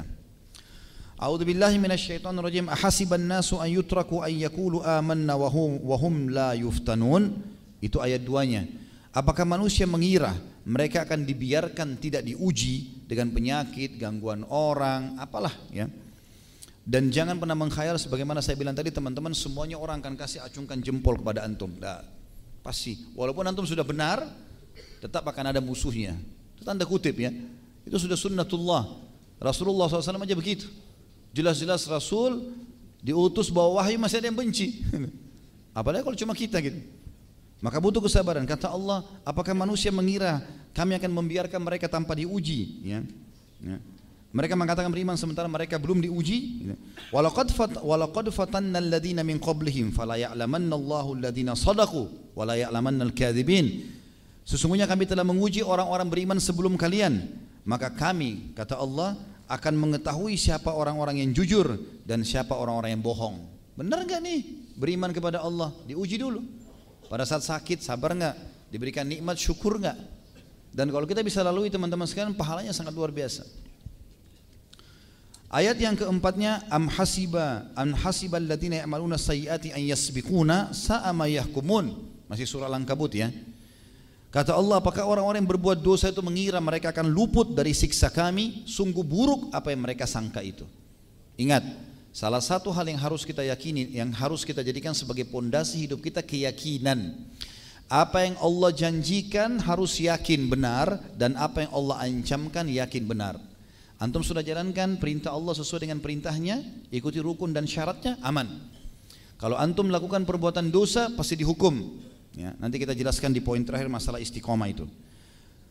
Lalu kata Allah sementara di ayat 5-nya, "Man kana yarju liqa fa inna ajalallahi la'at wa huwas samiul alim." Siapa yang berharap apa yang Allah janjikan dari kebahagiaan dunia dan juga bertemu dengan Allah nanti di surga di akhirat, maka ketahuilah janji Allah itu pasti akan datang dan dia maha mendengar lagi maha mengetahui. Ayat 6-nya, "Wa man jahada fa innama yujahidu li nafsihi, innallaha laghaniyun 'anil 'alamin." Siapa yang bermujahadah, memaksakan diri dalam ibadah, meninggalkan dosa-dosa, maka sungguh itu manfaatnya buat dirinya sendiri. Sesungguhnya Allah sangat kaya terhadap alam semesta ini. Di ayat ketujuhnya, "Walladzina amanu wa amilus salihati lanukaffiranna lanukaffir lanukaffir anhum sayiatihim wa lanajziyanhum ahsanal ladzi kanu ya'malun." Dan siapa pun yang memaksakan diri beriman dan ber, eh, maaf, siapa pun yang beriman dan beramal saleh, maka pasti kami akan bersihkan dosa-dosa mereka dan kami akan balas mereka lebih baik daripada perbuatannya. Saksi bahasan kita ayat 2-nya tadi, apakah manusia mengira kami biarkan sementara mereka tidak diuji?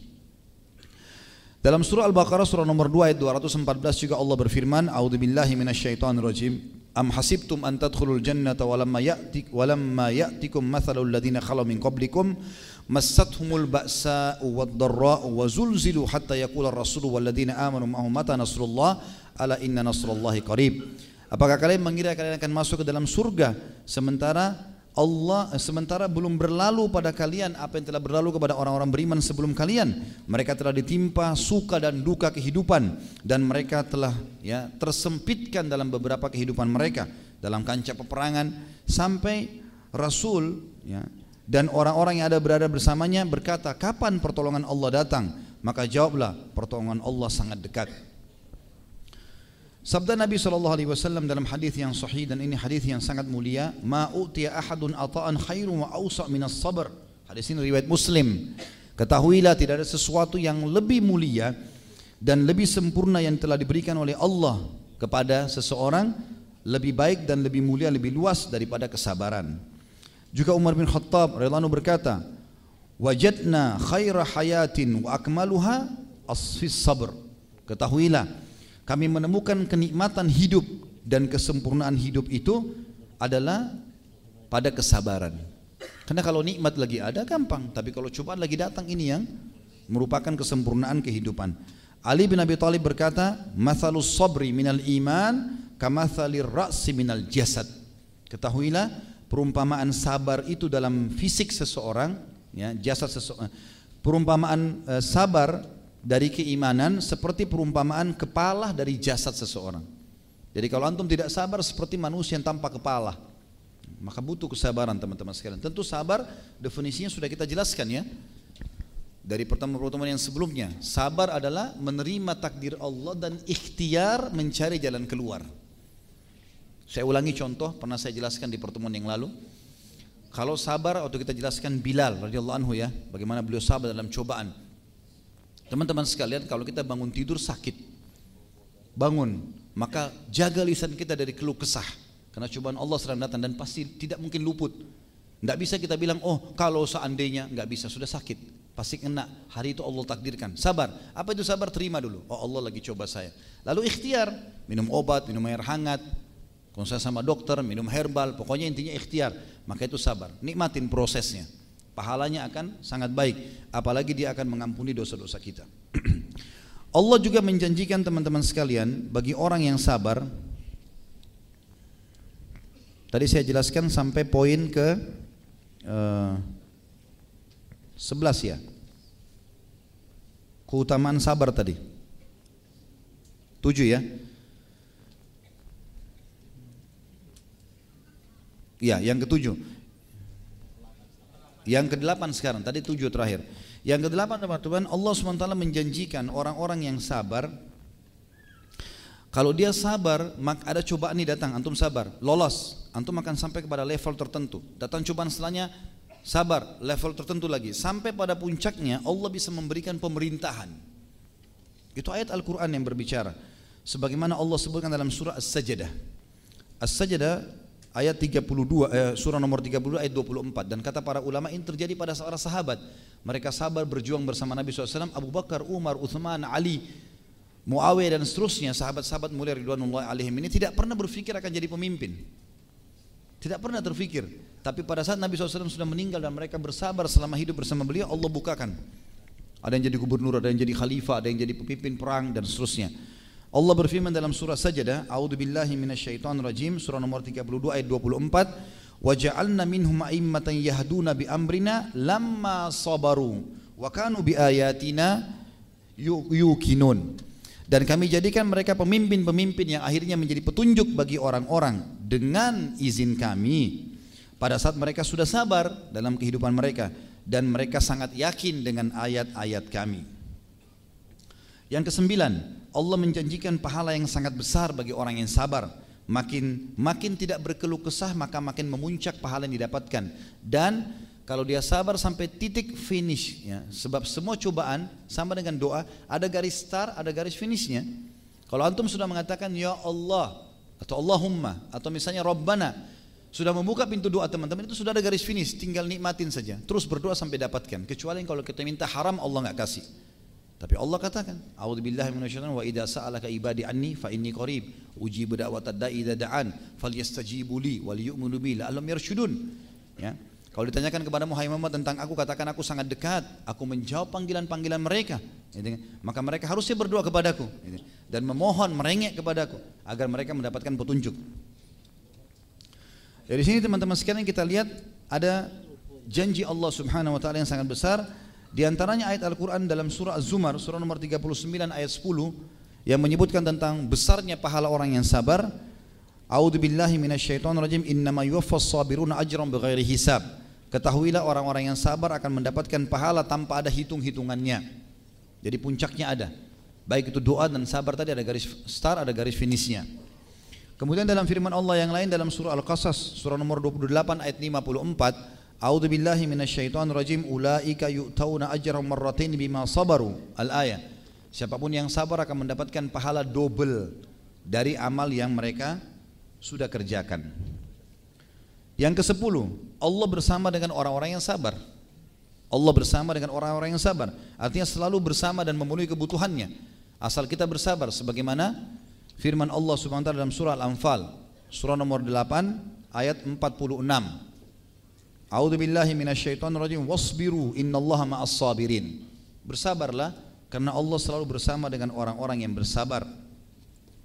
Juga dalam surah Al-Baqarah surah nomor 2 ayat 153 Allah berfirman, A'udzu billahi minasyaitonir rajim. Ista'inu bis sabri was salah innallaha ma'as sabirin. Selalulah menjadikan sabar dan solat sebagai penolong kalian, Allah selalu bersama dengan orang-orang yang sabar. Yang ke-11, Orang yang sabar teman-teman akan mendapatkan dua kedudukan tinggi di sisi Allah yaitu mendapatkan derajat siddiq orang yang akan masuk surga firdaus tertinggi dan akan mendapatkan ketakwaan sebagai bekal untuk selamat di dunia dan di akhirat. Sebagaimana dalam firman Allah Subhanahu wa taala dalam surah Al-Baqarah surah nomor 2 ayat 177, A'udzu billahi rajim laisal birra أن تولوا وجوهكم قبل المشرق والمغرب ولكن البر من آمن بالله واليوم الآخر والملائكة والكتاب والنبيين وآتى المال على حبه وآتى المال على حبه ذوي القربى واليتامى والمساكين وابن السبيل والسائلين وفي الرقاب وفي الرقاب وأقاموا الصلاة وآتى الزكاة والموفون بعهدهم إذا آهدوا والصابرين في البأساء والضراء وحين البأس أولئك الذين صدقوا وأولئك هم المتقون. Bukanlah kebaikan itu adalah kalian hanya mengarahkan wajah kalian ke timur dan ke barat. Tetapi kebaikan itu adalah siapa yang beriman kepada Allah, hari kiamat, malaikat-malaikat, kitab-kitab, nabi-nabi dan memberikan harta kepada yang dia cintai kepada kaum kerabat, anak-anak yatim, orang-orang miskin, orang-orang yang terputus jalan, orang-orang yang mengemis, minta dan juga orang dalam pembebasan budak dan selalu sibuk mendirikan solat, mendirikan zakat dan memenuhi janji-janji mereka kalau mereka sudah berjanji serta mereka bersabar dalam setiap baksa wad Kata para ulama suka dan duka. Jadi dalam ada nikmat dia bersyukur dalam ada cobaan dia bersabar dalam peperangan, dalam cobaan kematian, kehilangan harta dan seterusnya. Jadi mereka sahabat dalam suka duka kehidupan dan dalam peperangan. Wahinal ba'as. Mereka itu adalah orang-orang yang sadaku, orang-orang yang jujur dan pasti masuk surga firdausnya dan orang-orang yang bertakwa. Yang kedua belas, kita dianjurkan agar selalu berdoa agar bisa sabar melalui kesabaran ini. Sebagaimana dalam ayat Al-Quran surah Al-Baqarah ayat 250 Allah berfirman A'udhu billahi minasyaitonir rajim Rabbana afrik alaina sabran wa thabbit aqdamana Al-ayat Ya Allah selalulah kokohkan kesabaran dalam hati kami dan kokohkan telapak kaki kami dalam kancah peperangan atau dalam kehidupan. Juga dalam surah Al-A'raf ayat 127 surah nomor 7 ayat 126 maaf 126 A'udzu billahi minasyaitonir rajim. Rabbana afriq alaina sabran wa tawaffana muslimin. Ya Allah tanamkanlah tancapkanlah kesabaran dalam hati kami dan wafatkanlah kami dalam keadaan Islam Kemudian yang ke 13 Orang yang sabar akan mendapatkan kemenangan dunia dan akhirat serta di, di dunia akan dapat kemenangan dari masalah-masalah yang sedang dihadapi. Kalaupun ada musuhnya dia akan dimenangkan oleh Allah dan di akhirat dia akan masuk surga. Sebagaimana firman Allah dalam surah eh, Al-Insan surah nomor 76 ayat 12. A'udzu minasyaitonir rajim bima sabaru jannatan wa harira. Balasan orang-orang yang sabar karena mereka sabar di dunia, sabar dalam mengerjakan ketaatan, sabar meninggalkan kemaksiatan, sabar dalam cobaan harian, mereka akan masuk ke dalam surga dan mereka akan mendapatkan pakaian-pakaian sutra. Dalam surah Al-Mu'minun, surah nomor 23 ayat 111. A'udzubillahi minasyaitonirrajim. Allah berfirman, "Inni jazaitumul yawma bima sabaru annahum humul faizun." Pada hari ini di hari kiamat aku akan balas mereka karena kesabaran mereka, yaitu mereka yang menjadi orang-orang yang beruntung dan menang. Dalam surah Al-Furqan, surah nomor 25 ayat 75, Allah juga berfirman, A'udzu billahi minasyaitonir rajim. Ulaika yujzaunal ghurfata bima sabaru wa yulaqauna fiha tahiyatan wa salama. Mereka pasti akan mendapatkan istana-istana di surga karena kesabaran mereka dan mereka akan masuk dan disambut di sana dengan sambutan dan kalimat ucapan keselamatan. Yang terakhir teman-teman sekalian dalam masalah keutamaan sabar ini yang keempat belas adalah mereka akan selamat dari tipu daya musuh. Jadi kalau ada yang sedang mengganggu antum, menyakiti antum, sabar saja. Sabar artinya apa? Terima sebagai cobaan dari Allah lalu kemudian ikhtiar. Butuh penjelasan jelasin, kalau tidak butuh usah, gitu kan? Sebagaimana Allah berfirman dalam surah Al-Imran ayat 120. A'udzu billahi minasyaitonir rajim wa in tasbiru wa tattaqu la yadurrukum kaiduhum syai'a. Kalau kalian bersabar dan kalian bertakwa, tetap patuh di jalan istiqomah, jalan yang benar di jalannya Allah, maka tidak akan berpengaruh tipu daya mereka sedikit pun. Juga sabda Nabi Wasallam, maaf ini yang ke-15 yang terakhir. Kalau sabar itu adalah cahaya kehidupan, kata sebagian ulama hadis dalam hadis riwayat Muslim, sabda Nabi SAW, as-sabru nurun, sabar itu adalah cahaya. Maksudnya adalah Allah berikan cahaya di wajahnya. Setiap orang melihatnya maka akan merasa tenang atau Allah akan berikan dia cahaya dalam kehidupannya sehingga kita lihat orang ini selalu dalam naungan Allah SWT selalu walaupun dalam keadaan cobaan lagi sakit lagi kehilangan harta lagi bangkrut lagi ditipu lagi disakitin tetap dia istiqomah di jalan Allah. Maka itu kesabar itu cahaya dalam kehidupan. Ini 15 poin tentang keutamaan sabar ya. Dan tentu ini pelajaran pertama yang kita bisa ambil tentang keutamaan sabar.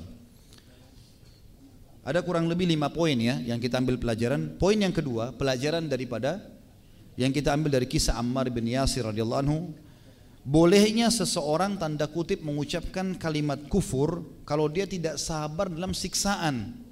Tapi kata ulama terbatasi seperti kasus Ammar atau seseorang yang sedang ditawan oleh musuh sehingga disiksa.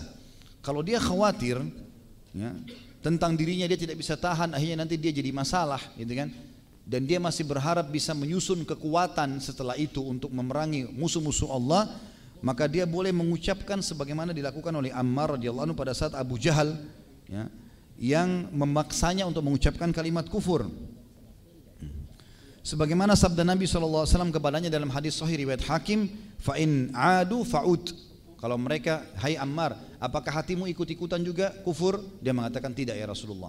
Kata Nabi SAW kalau mereka mengulanginya besok, ulangi lagi, nggak ada masalah.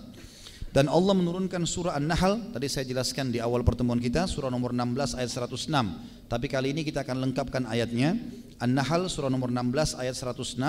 A'udzu billahi minasyaitonir rajim. Man kafara billahi min ba'di imanihi illa man ukriya wa qalbu mutmainnun bil imani walakin man syaraha bil kufri sadran fa alaihim ghadabun minallahi wa lahum adzabun azim siapa pun yang kufur kepada Allah setelah keimanannya kecuali orang-orang yang terpaksa sementara hati mereka tenang dengan keimanan dan yang dimaksud dengan dihancurkan oleh Allah di sini kecuali orang-orang yang kafir orang yang dadanya dilapangkan dengan kekafiran memang sengaja dia mau kafir maka mereka akan mendapatkan murka Allah dan Allah siapkan azab yang pedih.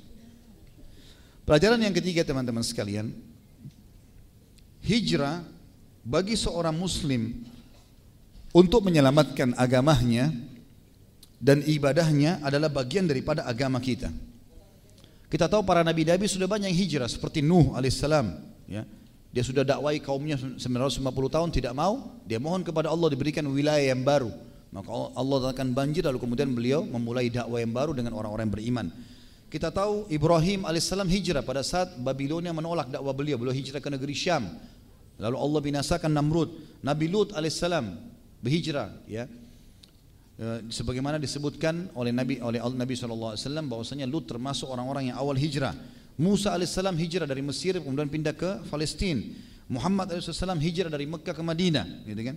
Begitu pula para sahabat mereka hijrah ke Habasyah dan mereka juga hijrah ke ya, ke Madinah.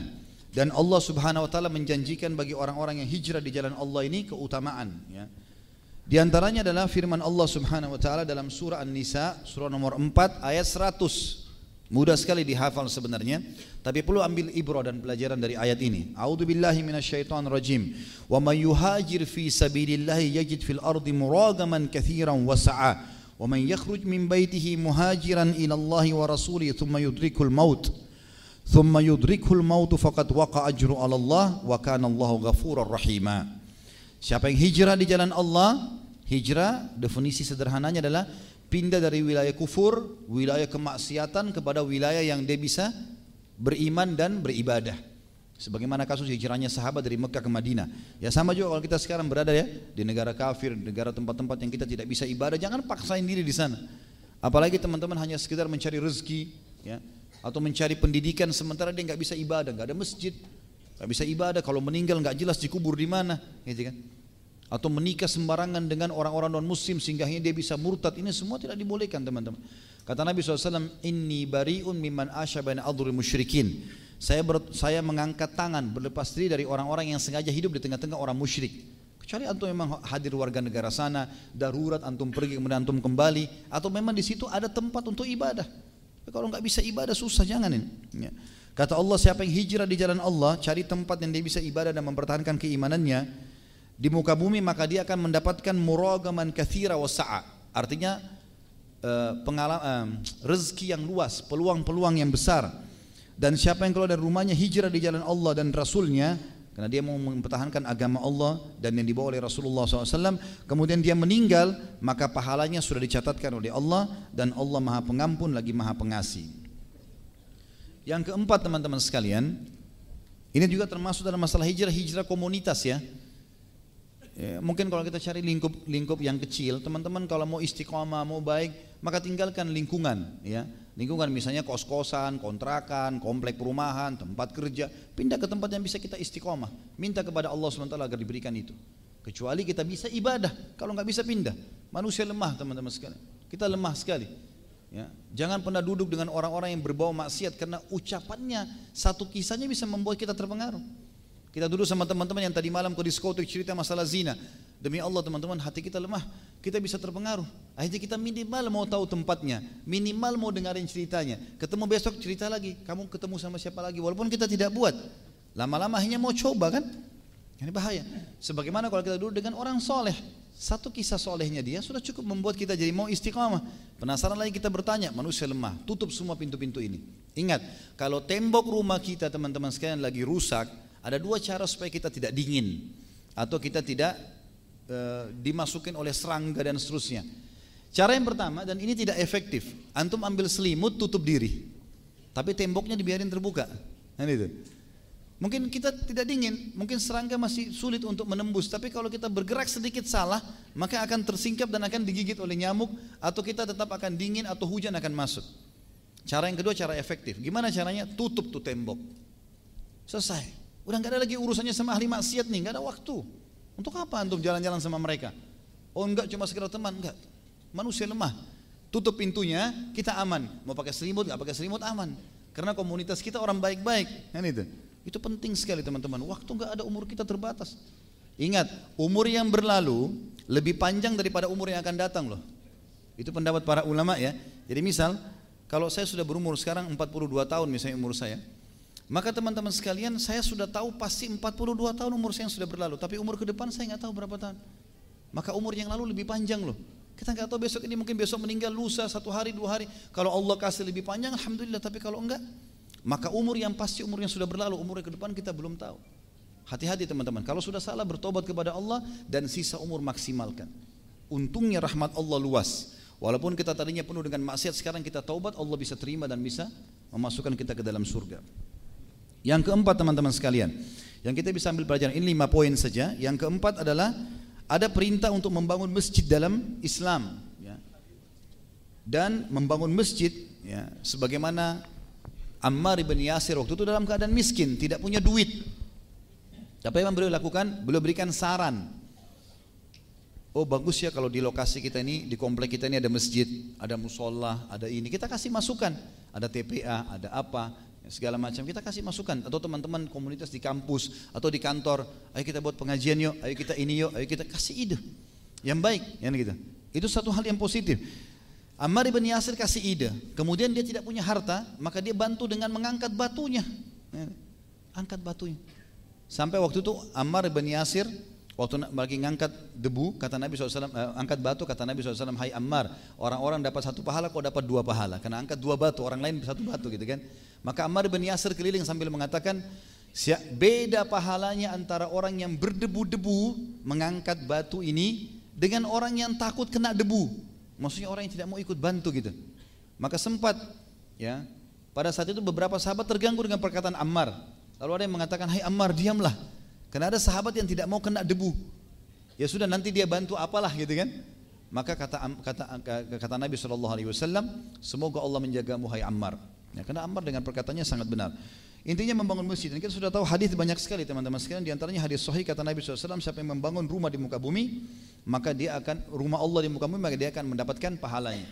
Ada sahabat mengatakan ya Rasulullah, tidak semua orang bisa bangun masjid. Biayanya besar.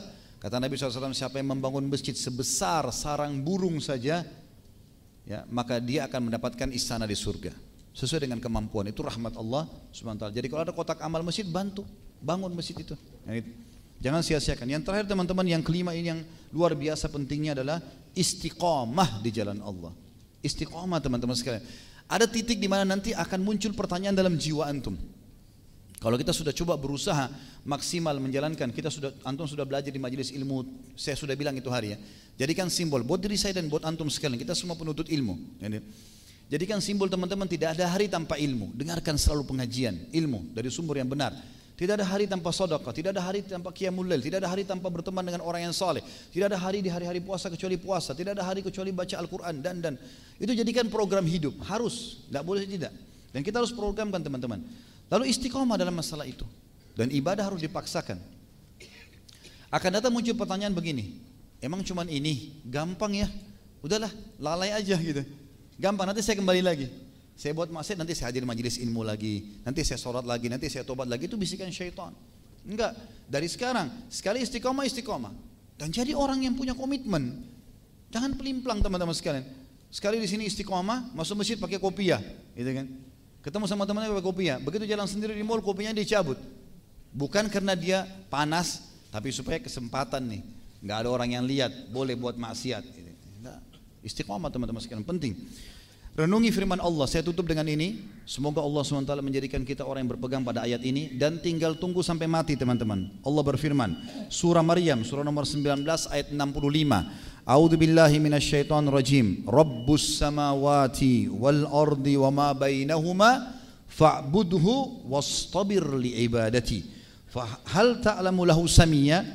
Ketahuilah, pencipta langit dan bumi dan apa pun yang ada di antara keduanya, Allah sembahlah dia. Perintahnya kerjakan, larangnya tinggalkan. Selesai. Istiqomah. Wastabir li ibadati dan sabar dalam masalah itu. Tetap istiqomah sampai mati, gitu kan? Apakah kalian menemukan ada Tuhan selain dia? Jadi makna daripada ayat ini teman-teman istiqomah sampai meninggal. Jangan setengah-setengah, jangan berubah. Jangan pelimplang. Dan sekali menjadi orang baik, jadi orang baik. Juga sebagai penutup nasihat saya teman-teman untuk diri saya pertama. Karena saya juga manusia biasa. Kita berharap Allah membuat kita istiqomah selalu dan meninggal dalam iman dan sunnah ini. Kalau antum mau tahu antum ini orang baik atau tidak, bayangkan sekarang kita meninggal dunia. Sering saya ulang ini. Bayangkan kita meninggal. Kalau saya meninggal, penilaian orang baik atau buruk? Antum meninggal sekarang, anggap kita mati. Orang bilang apa? Oh si fulan, Masya Allah tuh kalau azan ke masjid, dia dermawan suka bantu orang, senyum, jenguk orang sakit, dan dan dan bakti sama orang tua. Kalau antum bayangkan, bukan minta pendapat orang lain, oh kalau saya meninggal mungkin orang akan bicara. Berarti antum orang baik itu. Istiqomah saja sampai mati. Jalankan perintah agama itu. Tapi kalau kita bayangkan kita meninggal nanti orang akan mengatakan, oh si fulan mati, syukur dia mati tuh. Suka gosipin orang, suka marah-marah, ya, suka fitnah, suka begini, kasar kalau ngomong dan seterusnya. Maka pasti antum dalam keadaan buruk, gitu kan? Ingat, umur terbatas, jangan sia-siakan. Setiap orang di antara kita diperingatkan oleh Allah seperti antum sekarang hadir di kuping antum disampaikan oleh Allah dan hati antum disampaikan oleh Allah. Cuma melalui saya saja teman-teman sekalian. Maka orang yang cerdas ambil dan amalkan. Istiqomah penting. Pertahankan sampai mati. Demi Allah janji Allah pasti benar. Antum kalau pertahankan ini bahagia di dunia dan juga di akhirat akan dapat janji Allah SWT. Itu pelajaran yang kita bisa ambil dari para sahabat. Walaupun Ammar bin Yasir tahu dia akan terbunuh, tetap dia istiqomah dan dia meyakini dengan keyakinan kalau itu semua benar. Allahu a'lam. Mungkin begitu saja. Kita berdoa kepada Allah SWT semoga majelis kita diberkahi olehnya dan dijadikan sebagai tambahan amal kita pada hari kiamat serta semoga semua amal yang pernah kita kerjakan tidak terkecuali sampai menjelang ajal nanti diterima dengan kemahamurahannya dan semoga semua dosa yang pernah kita kerjakan sekecil sampai sebesar apa pun diganti dengan kemahamurahan Allah menjadi pahala. Dan semoga seluruh muslimin yang masih hidup diberikan hidayah terutama di Indonesia agar bersatu di bawah naungan ukhuwah Islamiyah diangkat perselisihan di antara mereka dan dalam ibadah mereka kembali kepada Al-Quran dan Sunnah dan semoga yang sudah meninggal dimaafkan segala kesalahan mereka dari kedua atau kedua eh, dari orang-orang tua kita, kerabat kita dan seluruh muslimin dan muslimat. Serta kita tidak pernah berdoa atau tidak pernah berhenti berdoa agar Indonesia menjadi negara yang makmur, tentram, damai dan juga dibukakan rezekinya dari seluruh penjuru dan seluruh muslimin dimakmurkan serta siapa pun yang menginginkan tipu daya terhadap umat Islam dikembalikan kepada pelakunya. Dan kita berdoa kepada Allah yang sedang melihat kita dan kita yakin karena dia maha melihat dan mendengar kita karena dia maha mendengar serta juga mengetahui gerak-gerik kita karena dia maha mengetahui agar menyatukan kita semua di surga firdausnya tanpa hisab. Menasabkan dari majlis ilmu yang mulia ini pada benar dari Allah kalau rasa dari saya mohon dimaafkan subhanakallahumma wa bihamdika asyhadu an la ilaha illa anta astaghfiruka wa atubu ilaik wassalamualaikum warahmatullahi wabarakatuh